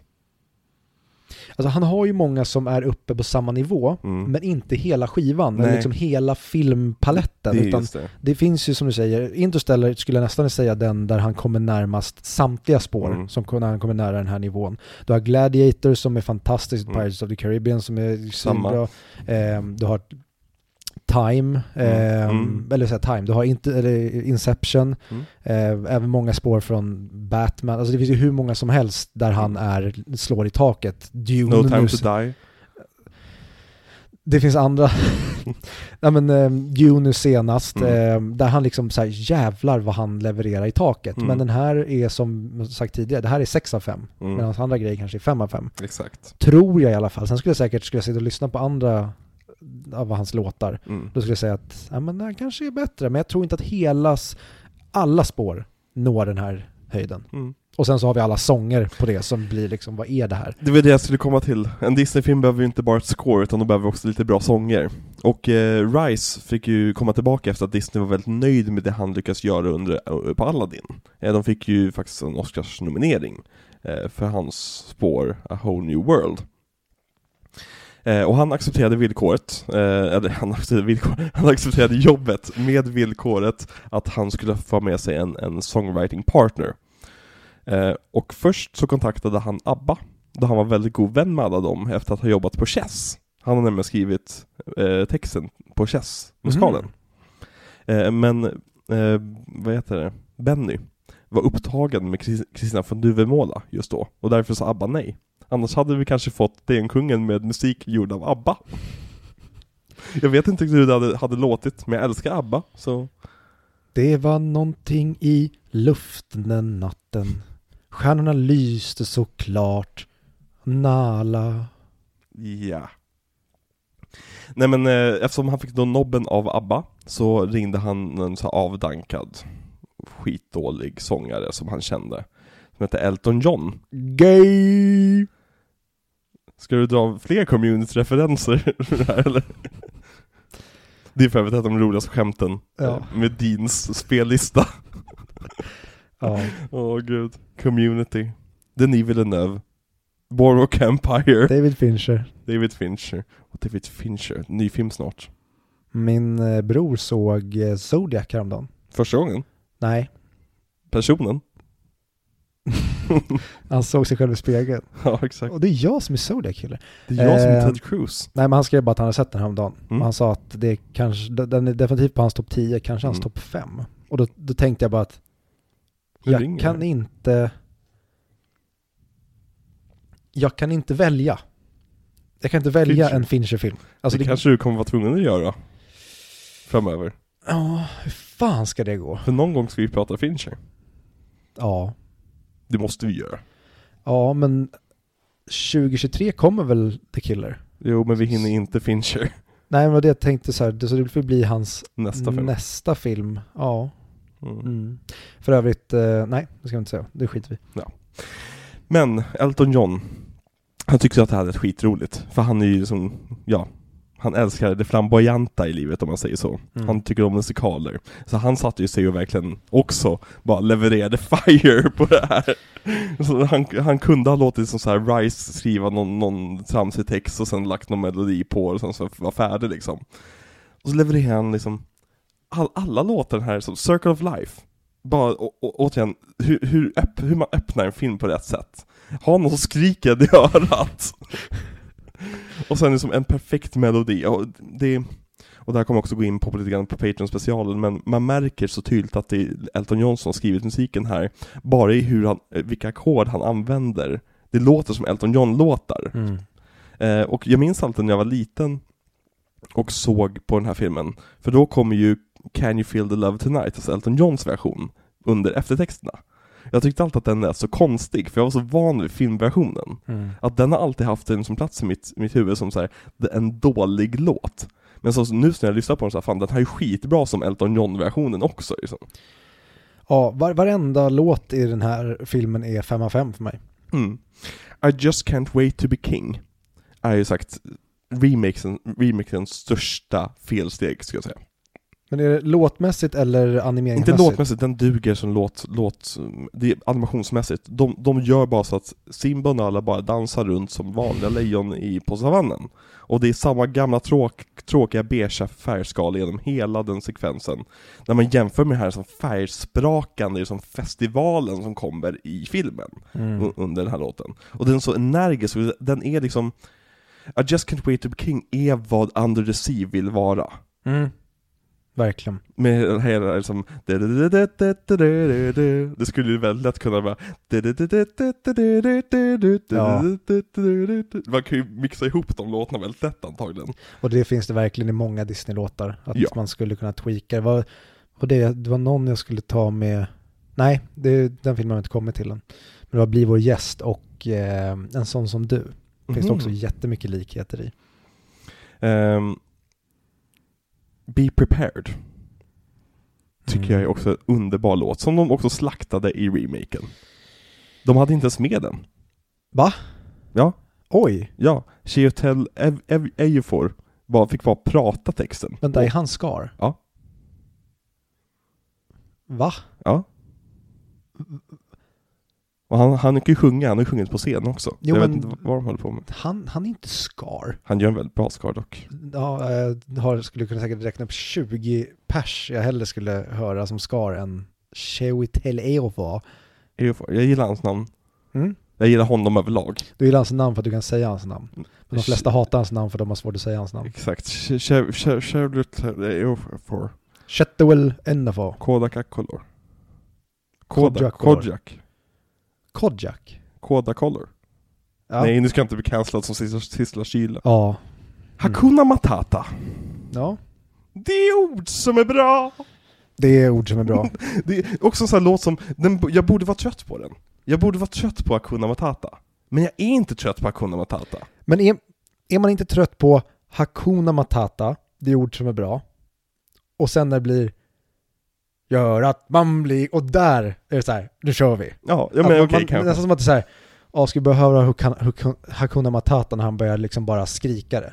Och sen när musiken kommer in och den varvar upp det bara, ta med mig. Ja, men och sen när Simba kommer in och får sjunga också, och Ja. hans, som, båda rösterna är helt fantastiska, och nej men Hakuna Matata är en sån jäkla, mm. All, alla låtar här borde vunnit bästa, bästa låt-Oscar. Vet du vad man borde klippt in bara istället för att ha med den? Var nöjd med Allt som livet ger, det är exakt samma låt. Det hade varit kul då om man hade gjort en lekfullare remake. Ja. Att de har i den, att de går förbi när de sjunger den och så hör de Mm. några andra sjunga och tittar genom bladen och där borta är Mowgli och Baloo och sen bara håll käften och så går de bara vidare. Fast Indien ligger inte i Afrika. Gör det inte? Nej. Ah, Viktor, alla bruna människor kommer inte från en samma plats. De kan, I den, de skulle kunna vara på typ Sri Lanka, skulle vi kunna göra det till och det är ändå afrikanska östkusten, typ Afrika. Vi skulle kunna tweaka det. Vi är, vi är ändå vita, ignoranta och så får en av oss två ta den cancelleringen. Men Vi kan göra så att det utspelar sig på Zanzibar. Det ligger någonstans däremellan. ja, Madagaskar. jag är på. Har jag berättat att jag såg Madagaskar 3? Ja. Okej. Ja. Eh, och sen har vi Can You Feel The Love Tonight? Som är filmens tråkigaste låt, enligt mig, men det gör ingenting för den är ändå så jävla bra. Ja, det är kanske ens det mest stillsamma barnet man har. Mm. Men barnet är helt fantastiskt. Mm. Hur, skulle du ranka de här låtarna? Eller vilken är favorit av de här? Alltså favorit vette fan. Jag vet inte om jag kan välja någon. Jo men Men, men bäst tycker jag, alltså objektivt inom citationstecken Mm. om man bara ska kolla, det är ju Circle of Life. Ja. Men det är ju för att den är, Ett alltså, mästerverk. den kan ju återbliva döda. Ja, precis. Du behöver inte ha hjärtstartare, det är bara att sätta på en högtalare i ansiktet på någon. Ja, verkligen. Mm. Nej men så det är väl den då. Ja, jag håller med. Det, det, och bara att du börjar och slutar filmen på samma sätt. Och att vi, ja, mm, trailern till den här filmen var ju bara Circle Life. Var det? Ja, sånt jävla genidrag. Verkligen. Bara ge oss de första tre minuterna som trailer. Mm. Och de återupprepade det magitricket även med Pocahontas. De gav hela eh, Färger i en vind, trailern, eller eh, låten som trailer. Eh, också ett jävligt snyggt drag bara. Men Eh, fler filmer borde göra så, att bara ge oss en sekvens ur filmen. Som, som får säga vad filmen handlar om, som Mm. får berätta vad filmen handlar om. du kan eh, ta upp det där nästa vecka igen, för du har en annan take på det. Okej. Animationen då? Vad tycker du om eh, teckningsstilen och animationen i den här filmen? Det här är ju det här är ju Disney för mig. Ja, Så att nu när jag sett alla andra Disney-filmer hittills, då är ju de bleka. Och som jag sa, det tycker jag tyvärr om nästa veckas film också. mhm. De är eh, karaktärslösa om Mm. man jämför med den här. Ja men, det är sådana enorma framsteg med typ CAPS-teknologin här också. Alltså att du kan lägga lager på lager. När du kan börja leka med skärpedjup. Det har du aldrig sett i en animerad film tidigare. Och liksom eh, lens flares och grejer, och liksom att de, de approcherade det som att det skulle vara en eh, naturdokumentär nästan. I det att de klipper bort från djuren ibland, Mm. bara för att visa oss liksom en liten plätt av mark. Eller typ när man ser den här um, antilopskallen åka, sköljas bort av vattnet som kommer. Mm.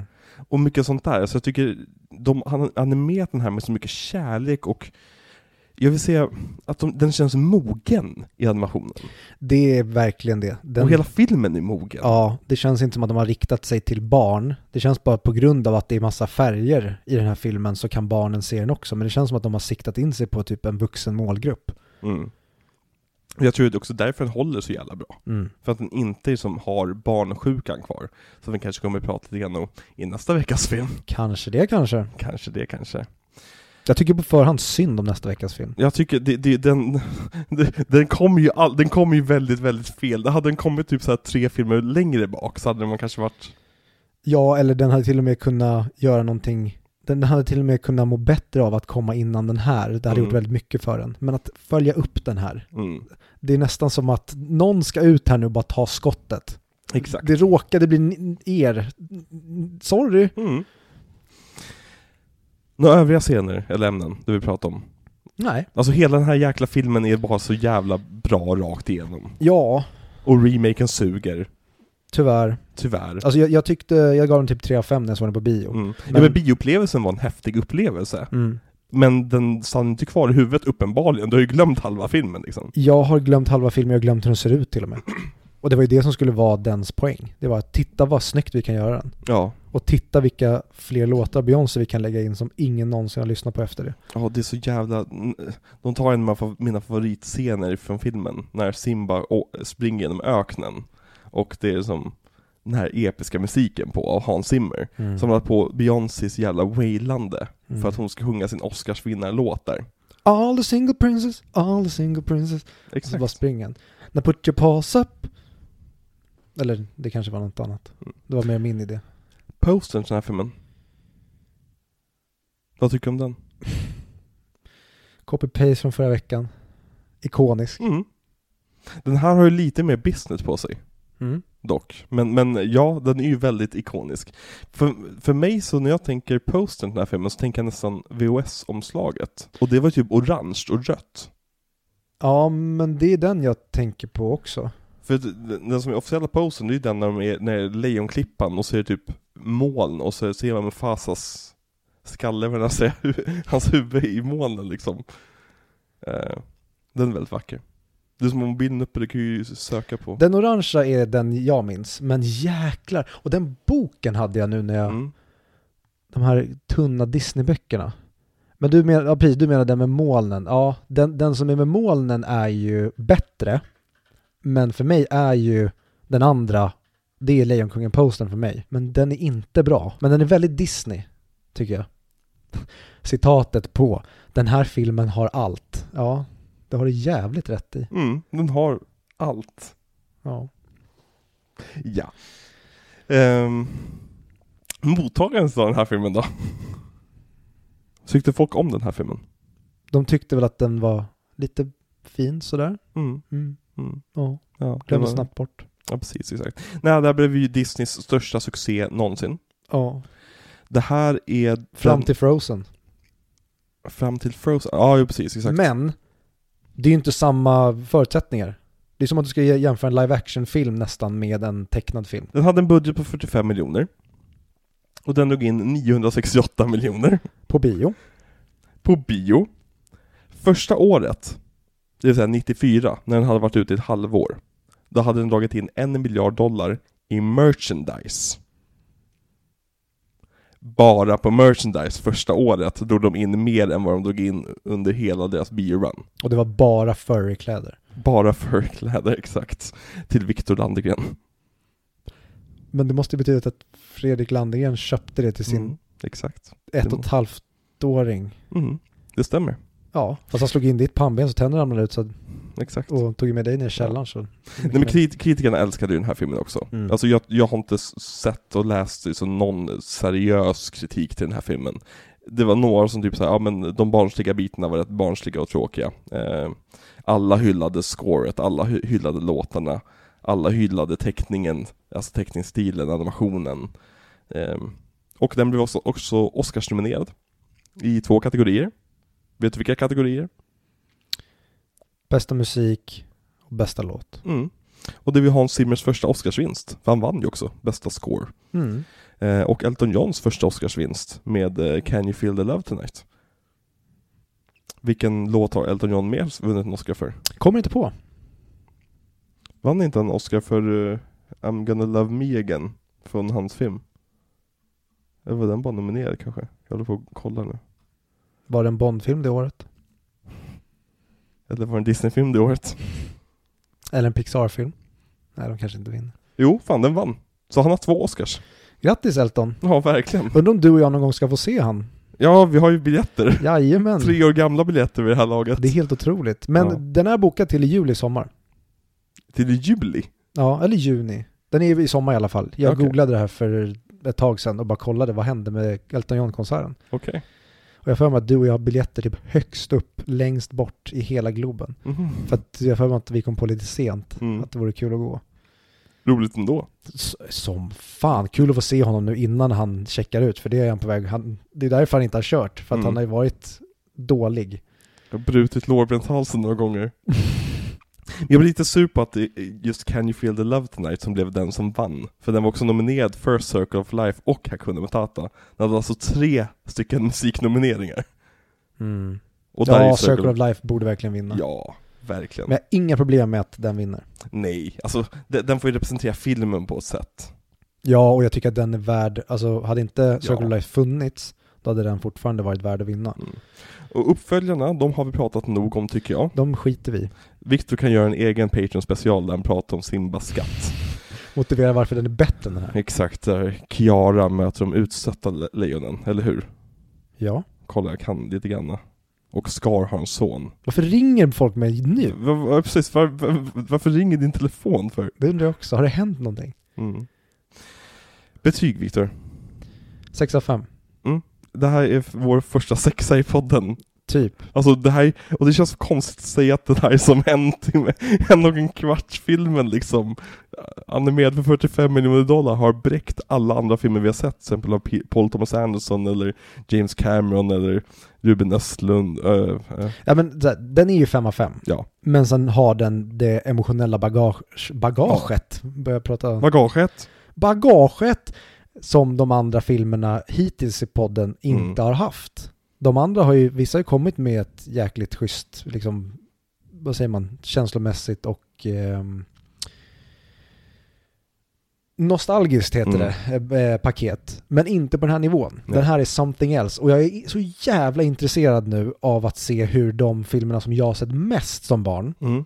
eh, framförallt Hercules och eh, Ringen Notre Dame, hur de kommer att stå sig. Jag vet ju att de inte kommer bräcka Lejonkungen, objektivt. Mm.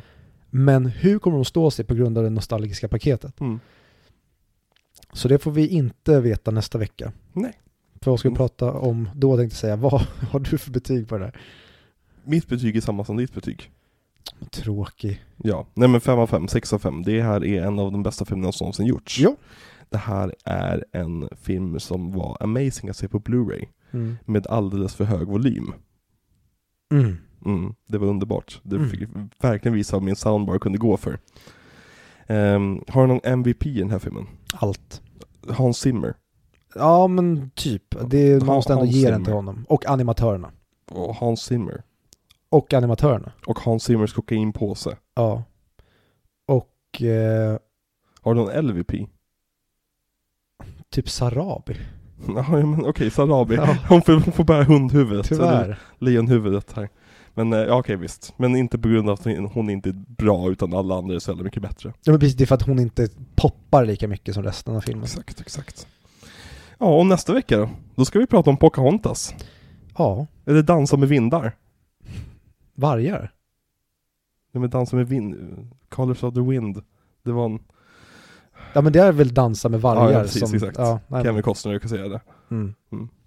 Den vill jag se. Jag med. Ja. Men Poca- du kan se Avatar istället. Ja precis, eller Avatar 2. Mm. Simba skatt. Ja. Mm. Havets skatt. Ja, nej men eh, vart finns Pocahontas att se? Disney. Jaha, Plus. ja, fan det gick ju över snabbt. Och vi har redan tackat Patreonsen. Ja. Och med det säger vi... Hakuna Till Hitler. Va? Ja! För en gångs skull. ja, det är väldigt sant. Eh, det var läs som du var på väg mot Heil Hitler, vet ni, okej. Du känner mig. Vi kör Hakuna Matata! I ord. Hakuna Matata!